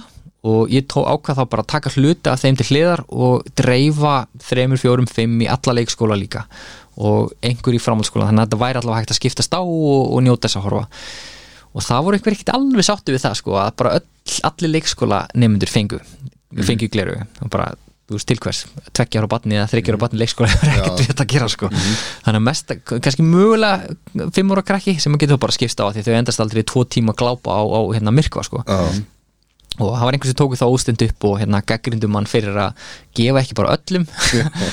Og svo, þú veist, það var einhver skortur í ferðarþjónstinu líka og svona. Heimskuleg gaggrinni sko. Já, ég, veist, ég er alveg sammála því en hérna áreitið í kringum þetta mm veist, ég mætti ekki vinnuna í þrjárvíkur sko. Já. Og bara sem betur fyrir var ég að vinna hjá háskólanum sem vissi það að ég var að sinna verkefni sem gengi út og það fræða krakka að þau gáttu svona horti gegnum fingur sér með það að ég mætti ekki vinnuna og sindi vinnunni ekki neitt sko. þannig að ég var ekki rekin fyrir að það mætti ekki í vinnuna en svo var þetta líka vetur sem var svolítið erfiður. Það kom hver læðin og fætur annari upp á landinu. Og það var bara stormur eftir storm eftir storm. Var mjög fyndið að sjá sko svona hérna, læða myndirnar af því hvernig veðrið er umulegt og svo þegar maður sá langtíma spána fyrir þennan tiltekna dag þá var bara skíða, skíða, skíða, skíða heiskýrt, skíða, skíða, skíða. Eini dagurinn í þeim tiltekna mánuði sem átti að vera heiskýr var dagurinn okkar sko. Já, ok. þannig að um nánast allt land sáu krakkar myrkvan sumum fannst það geggjað, öðrum fannst þetta ekkert merkilegt en það bara fínt. Bara þetta var til þess að reyna að fá þau til þess að gera eitthvað annað þá veita náttúrunni aðtegli Mhm. og það tókst og vonandi sáðu við einhverjum fræjum sem fekk krakkana til að hugsa um eitthvað aðeins stærra. Nei, mér er bara að horfa upp, það er Já. allir að horfa Akkurat. Síman sinn eða á þar sem þú ert að labba eða Já, eitthvað. finna svolítið, að þú hluti af sólkerið, þú hluti af plánuti og eflaust skildu þetta ekkert allir á svo djúpan hátt. En þetta var alltaf tilgangurinn og hérna, ég held að það hafi tekist ákveðlega sko. Það er svona elskaði þegar ég fer hérna, þegar ég spá fljúandi hálku það fer alltaf í hafnahörin Já, Allir að horfa upp já, ég er náttúrulega hérna, glata, glata tækifæri fyrir þann sem nefndi álku, ekki en það er svona. En jú, það, það er svona dæmi myndu verkefni sem ég hef tekið að mér og hérna, baka mér vandraði í leiðinni. Já, þetta er, er alltaf hluti að þessum maður. Já, Þe- já. Þetta, var náttúrulega rosa verkefni og náttúrulega sko, þú hefur verið að uh, elda þetta, þú farið ellendis að elda sólmyrkva og hvað sem þetta heiti, hvað heitir þetta, sólmyrkvi Bara sólmyrkvar, heitir bara sólmyrkvi, er ekki eitthvað, Al, eitthvað það er almyrkvar Almyrkvi, og sólur, sólu, já. Já, og hérna sko, þú fer ellendis að elda sóluna sko, þú ert með sama áhuga mál og Matti sko, því að þú vilt rannsaka sóluna Matti vill bara sleikja hana sko og hann Já. fer ellendis til þess að sleikja sóluna það var gott að ströndum í grunninn er þetta sama áhuga máli Já, ég skil það mjög vel sko. Já, að Já, ekki spurning, en jú, ég hérna, hef eld myrkva og ég hef séð þrjá almyrkva sagt, einn í Indonésiu annan í Bandarækjunum og svo þriða í Chile. Og tilgöngur með þessu er að ég fer til útlanda kannski einu sinni á ári og þá er það bara að nýta tækjafærið og hérna, skoða heiminn í leiðinni. ég satt, fer sjálfna til útlanda út af umhverfismálum og reyna að halda þeim þá í hérna lámarki ferðalöfum menn þá nýti tækifæri bara og reyna að fylgjast með e, gullfallegum náttúruviðbyrði og ef þið hafið áhuga að sjá mig gráta í, í sjónvarpi þá e, fór ég að há gráta yfir hérna myrkvanum sem ég sá í bandarækjunum Já, því ég þetta er bara svo sé ótrúlega fallegt sko. já. já, hvað sér ég? þetta kom alveg hérna, á samfélagsmiðlum og þess að hann er alveg líkur að því einhverju hafi sér þetta. Það er bara að holda gráta já, En svo er stóra ástriðan í þínu lífi Það er, það er matur. Matur, já. Ha? matur og vín. Þú ert eitthvað mesti mataperri bara landsins? Að ég, já, og kannski ekki heyrt. mesti sko, en ég er mikill mataráhuga maður og ég hef, mér finnst fátt skemmtilega heldur en að elda mat og nostra við hann í eldur sinni, þetta er svona líka bara slökun fyrir mér og eh, þetta er útrás fyrir sköpunni gleði leiðinni, því að hérna, ég er alltaf að vinna með einhverjum svona reglur og þess að þar og í matreislu þá bara getur maður gert hvað sem er og veist, þetta er bara svona eins og list einhvern veginn. Og mér finnst ekkert skemmtilega heldur en að fara út að borða á einhverjum flottum góðum veitingastöðum og er rosalega matsár líka fyrir vikið. Þannig að ef ég fer á veitingastað og fæ mat sem veldur mér vonbreyðum þá er ég ósáttur mörg marga vikur eftir á líku við. Þannig að hérna, þú veist, þess vegna leita ég að staði svo dill og og svoleiðis þar sem ég fæ bara stórkostlega upplifun af mat sem er svo allt öðru sem það sem ég gerir sjálfur og geti gert það, ég er bara ekki næstu því sem að hæfa leika þessi menn sem eru þar í eldur sinni og, og já, drekka gott vín með mm það er bara ótrúlega skemmtilegt sko. Næstur kemur þetta náttúru vínunum með það? Eh, Bæði bara, mér finnst náttúruvín rosa góð og skemmtileg en hérna, mér finnst fátt betra en bara virkilega vandað kampavín eða, eða hérna rauðvín, þannig ég sapna vínum til dæmis, svona vönduðum, góðum flöskum sko. Ok Er En ert- ert- ertu græmits þetta eða? Nei, ég er svona, ég er ekki græmið þetta ég, Þú heldur þessi hófi eins og talar um að þú veist, við getum mm. geta gert það sem við gerum bara svo lengi sem við gerum í hófi og pössum okkur og reyn- reynum að gera þetta í einhverju jafnvæði við náttúruna. Já, akkurat og það er hægt að gera það. Og það er uh, svona ákveðin stefna uh, eða hva- hvað maður segja svona, jú, matarstefna ég veit ekki hvað kallar þetta, svona mataræði sem að fellur það reyndi sem kallast eða vistkérafæði og það heitir líka Planetary Health Diet. Og þetta snýst um það að þú neytar þér ekki um neitt. Þú veist, þú mátt borða kjöt og þú mátt borða fisk og allar þessi dýrafurur en þú heldur því bara í rosalega miklu hófi. Þannig að grunnurinn á matnum sem ég borða er bara basically græmiti sko. Og græmiti og korn mjög mikið. Uh, mjölkurafurðir, eins og ostar og eitthvað þess að það sko. En kjöt neysla mín takmarkast yfirleitt bara við eins og kannski einn stóran hambúrgara í viku, eitthvað svo leis þannig að það er allt kjöti sem ég borða af rauðu kjöti sko, og svo annars slæði menna kannski einu sinni viku fæ ég mér veist, segjum bara Subway með kjúklingi eða eitthvað svo leis, eða einhverja svona samlugum með kjúklingi, uh, en að öðru leiti bara ég borða þeirri morgumætt reyndar. En þú veist, hádegismatur er græminsmatur og kvöldmatur er alltaf græminsmatur bara svo gær ekkaldinn með einhverju góðu gumsi sko. og fyrir mér snýst það fyrstulega um það að mér finnst þetta bara góðu matur. Það er miklu meira krafjandi að gera gott úr grænmyndi heldur en kjötti og fiski finnst mér. Og þetta fyrir vel með jörðina og er bara helsusamlegra líka. Og þess vegna, ég horfa á þetta fyrst og fremst út frá, frá einhagsmunni sem ég heilsusamlegt og hérna, oft ódýrar líka, það er ódýrar ofta að kaupa grænmyndi heldur en kjött og fisk. Þannig að hérna, já, en bónusin er að þetta hefur góðar á jörðina. Það er nú skemmtilegast í matur sem þú gert eða borðað? Já, bara gert. Uh, það er svo margt. Ég, hérna, Það var að bjóða einhverjum bara hérna í já, mat. þá, þá myndi ég leita eitthvað í miðausturlenskt svona uh, einhver sem að, er með tahini eða eh, hérna, eitthvað svona falafel og eitthvað svo leis með góðum kryddum sem að lifta upp bragði af hlutum sem Íslandika kunni ekkert alltaf elda eins og eggaldin eða hérna, kurbíti eða eitthvað slíkt. Og það finnst mér oft mjög skemmtilegt og reyna að fá grænmiti sem oft hefur svona svolítið slæma áhrif eða kannski ekki slæma áhrif, heldur slæma, slæma áferð fyrir mörgum og reyna að gera þannig að það sé ótrúlega gott og eigða kannski þessu grasbræði stundum sem fólk virðist oft finna. Já. og mér finnst það mjög skemmtilegt. Þannig að ég myndi sennilega bjóða fólki einmitt upp á já, einhvers konar miðustulenskar mat. Saði nú eitt góðu maður sem var í matjá með bara fyrir viku síðan sittur hérna í hliðra mér þegar ég honum í hálfdegismat og með, með, með kindafili já, ég bauð honum, ég gerði salat og, og hann sagði salat? Hvað er kindin ekki búin að ég- geta grasa það er ekki bara nóg no, no, no salat í kjötinu? Já, já, já, þetta er alveg Þetta er punktur. þetta, er punktur, sko, þetta er líka oft það sem ég heyri og er kannski svolítið lenskan á Íslandi að hérna, hvað, ég bóra ekkert heldur þessi gras? En hérna uppistæðan á matnum okkur er náttúrulega er græmiti sko, mm. að bóla flest allir eh, kartöblur eða rísgróni eða eitthvað þýst þess að með, kortmeti þá náttúrulega en úst, ég, úst, mér finnst kjötur svo gott sko. Og mér finnst nautakjöt sérstaklega, mér finnst það betra heldur en lambakjöt uh, þar að segja ákveðinu betar af, af nautakjöti. Hann er til dæmis um jólin og reyndar er í mikill uh, mér finnst kannski besta kjöti finnst mér hérna, uh, hvað er það? Hreindýr og slis, svona villibráð. Já, villibráð, já. já. Að það er hérna stendst ég ekki fristinguna eða er reyndir eða, eða önd eða gæs, Gæs, eða eitthvað rjúpa. svoleiðis, sko, rjúpa bara finnst þetta besti matur í heiminum sko. og þetta sem er rosa gott sko, að því að maður færa þetta rosalega sjaldan og þá verður þetta meira svona að maður gerir vel við sig á tillidöfum sko, opnar einhverja virkilega góða rauðinsflösku til þess að borða með reyndirunni eða rjú, rjúbunni eða hvað það er. Og hérna, ég hef reyndar ekki í mér það sjálfur að, að, að skjóta dýrin sko, mm læt aðra um það og horfi þar alveg fram hjá hræstinni sem fylgir því sko, en eru ekki hræsnarar einu beinið sko, að því litinu til. Ég meina þetta er náttúrulega bara hluti af lífinu Já, ég-. Ég meina ef það var ekki Já, akkurat, en það líka bara eins og við höfum komið að sko, það er eitt að borða kjöt einu sinni í viku, annar að borða það hverjum einasta degi, jafnvel þrjusar á dag sko. og um það snýst þetta svolítið að reyna bara að draga eins úr því sem hefur slæm áhrif bæði líkamlega og hérna á umhverfið. En það er engin ástæð til þess að neyta sér um það alfarið sko. þú, getur alveg gert þetta allt saman oftir áfram. Ef þú bara gerir pínulitla til, tilfæslur í lífinu sem að munu ekki skerða lífskeiðið þín heldur þvert á móti auka þig. Og það er bara svolítið svona móttu sem ég reyna að lifa eftir sjálfur sko. það er svona hjólaði til dæmis ókslega mikið. Eh, ég get ekki alltaf hjólað. Gott og vel, þá bara nota ég bílinn. Og en þegar ég get hjólað, þá hjóla ég ekki spurning, af því að mér líður svo brjálaslega vel á því, sko.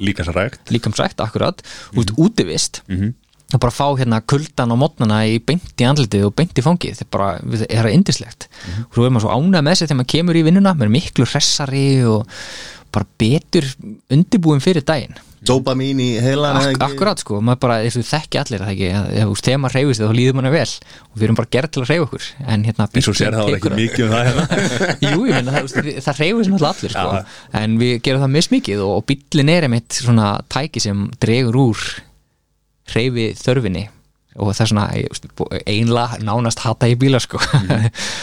Ná, búa til svolítið letingi úr mér sjálfum mér sem ég veist ekki frábært. Nei, En, gott að vera latið maður. Já, já. Stundum, mjög gott sko. Það er, En svo, svo er bara þjóðfélagi þannig að það er hjólinu er skellt upp á bíl og það er kyrt langa vegulind og hjóla það sko, í staðan fyrir að hjóla stað. Já, Ég- punktið að Já, ég, ég skila því svona fja- fjallahjólum sko, sem komist upp ykkur ákveðnum brekkur.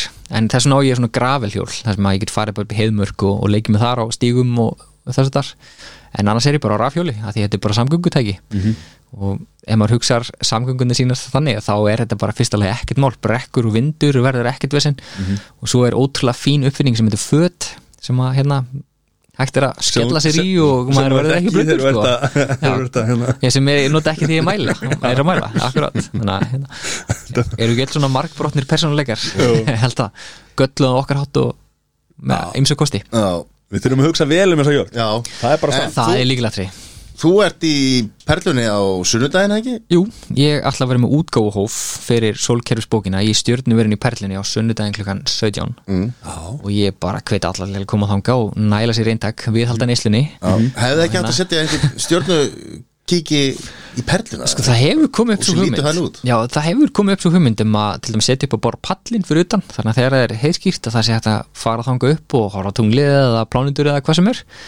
og ég ætla bara að reyna að vekja þá hugmynd aftur við Gunnar sem er framkvæmdustjóri og eigandi perlunar sko. hann er hérna frábæri náungi sem hefur bara gert stórkustlega hluti í perlunni.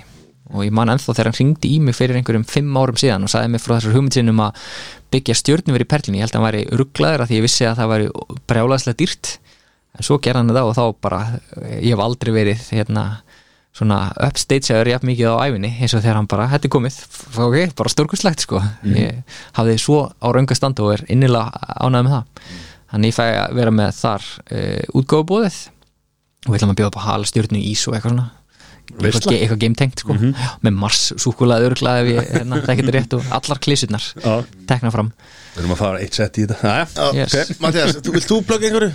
Nei, ég búið bara að þú veist, mamma átti ammali gert, til hafði mamma. Til að hafa með mömmuna? Hvað eru búin að fara margar hringi kringum sóluna Já, hún, er, það, er það eitt ár, vantarlega Já, er ekki? akkurat. Hún er fædd 52, þannig að hún er 66 já, Það Bara fara 66 það er gott, hringi í kringum sólina. Já, það er ekkert smá ferðalag sko. Það er ekki fyrir á hans þreytt. Ala þig upp og fara. Það fara svona oft í Nei, fyrir ekki, hún er, hún er hérna 7, 60 og hérna Segðu bara hún sem yngri hún er það er er að skýta illa stressina á því. Það er sko, herru, bara mér til varnar Það, það er best að muna bara fæðingar árið Bara líka, þú veist, þetta er bara, þegar maður spurur hvað maður er gamall sko. Ég segi ennþá bara þarf að tvekja sko, Það er langt, svolítið síðan að það var sko. Það er Maður er hættur að telja En Hvað Hvenær- ár, hvað ár er það? 85, 85, 83, ok. þú ert á milli okkar Já, 84 Já, 345 Já. Ægileg. Þetta er fí- fínn hópur, skrinnilega Já. Fín röð. Hvenær hætti maður að tala um sko Ef maður, er 20 Hvenær hætti maður að segja númeri Eftir 30 Er það? Já, ekki. Mér finnst þetta einmitt svolítið óþægilegt í dag sko. Það er bara Ég um hvað að er þe- Þegar ég lítið baka Því að fóreldra mínur eignumst mig Þegar þau voru bara 20 og 22 ára. Já. Og þegar ég horfði tilbaka, þú veist, ok Ég var hann bara 16 ára Þegar, hérna, eða 17 ára Þegar mamma og pappi voru komin á minn aldur. Já, Og bara vá Og þá leiti ég á þau sem er rosalega stóru gumul sko En svo er maður sjálfur bara komin í þennan pakka og mér finnst þessi tilhugsunum að verða færtugur sem þetta hljómar er svo algjört væl sem maður má ekki gera og gott og vel og er það, potjett en mér finnst þetta pínu óþægilegt sko. Mér finnst svona að vera að styttast í annan endar sko.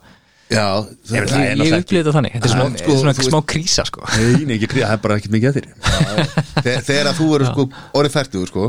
Já, og, og þú verður ekkert mann handtekinn fyrir að vera einhver nakin í einhverjum stjórnarskoðun nei, hérna, segur sviðshúsi já þá verður sko maður handtekinn á 50 aldri Já, það er rétt, þetta er ríkilegt sko. Já.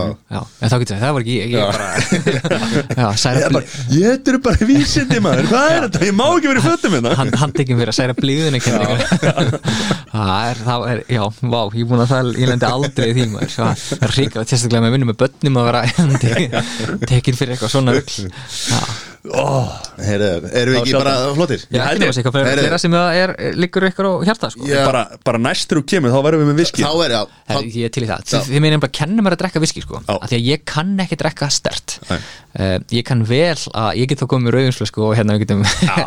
sötra hana í staðin og, og þetta hann er kampaðum hvítun og, og hérna rauðvin eru, Mhm. eru mitt forte Ok en ég er bara Það er þetta á aldrei- hægri hönd mín sérna Það er einhver almest í viski drikkjum að landsins. Já. bara því ég kefti bókina þetta Nei, bara, bara, bara, bara drekka mikið sko. Já, svo, svo er hann frændi minn sem er einhver hérna Quest uh, hann hérna Nonni, Nonna Quest. Já.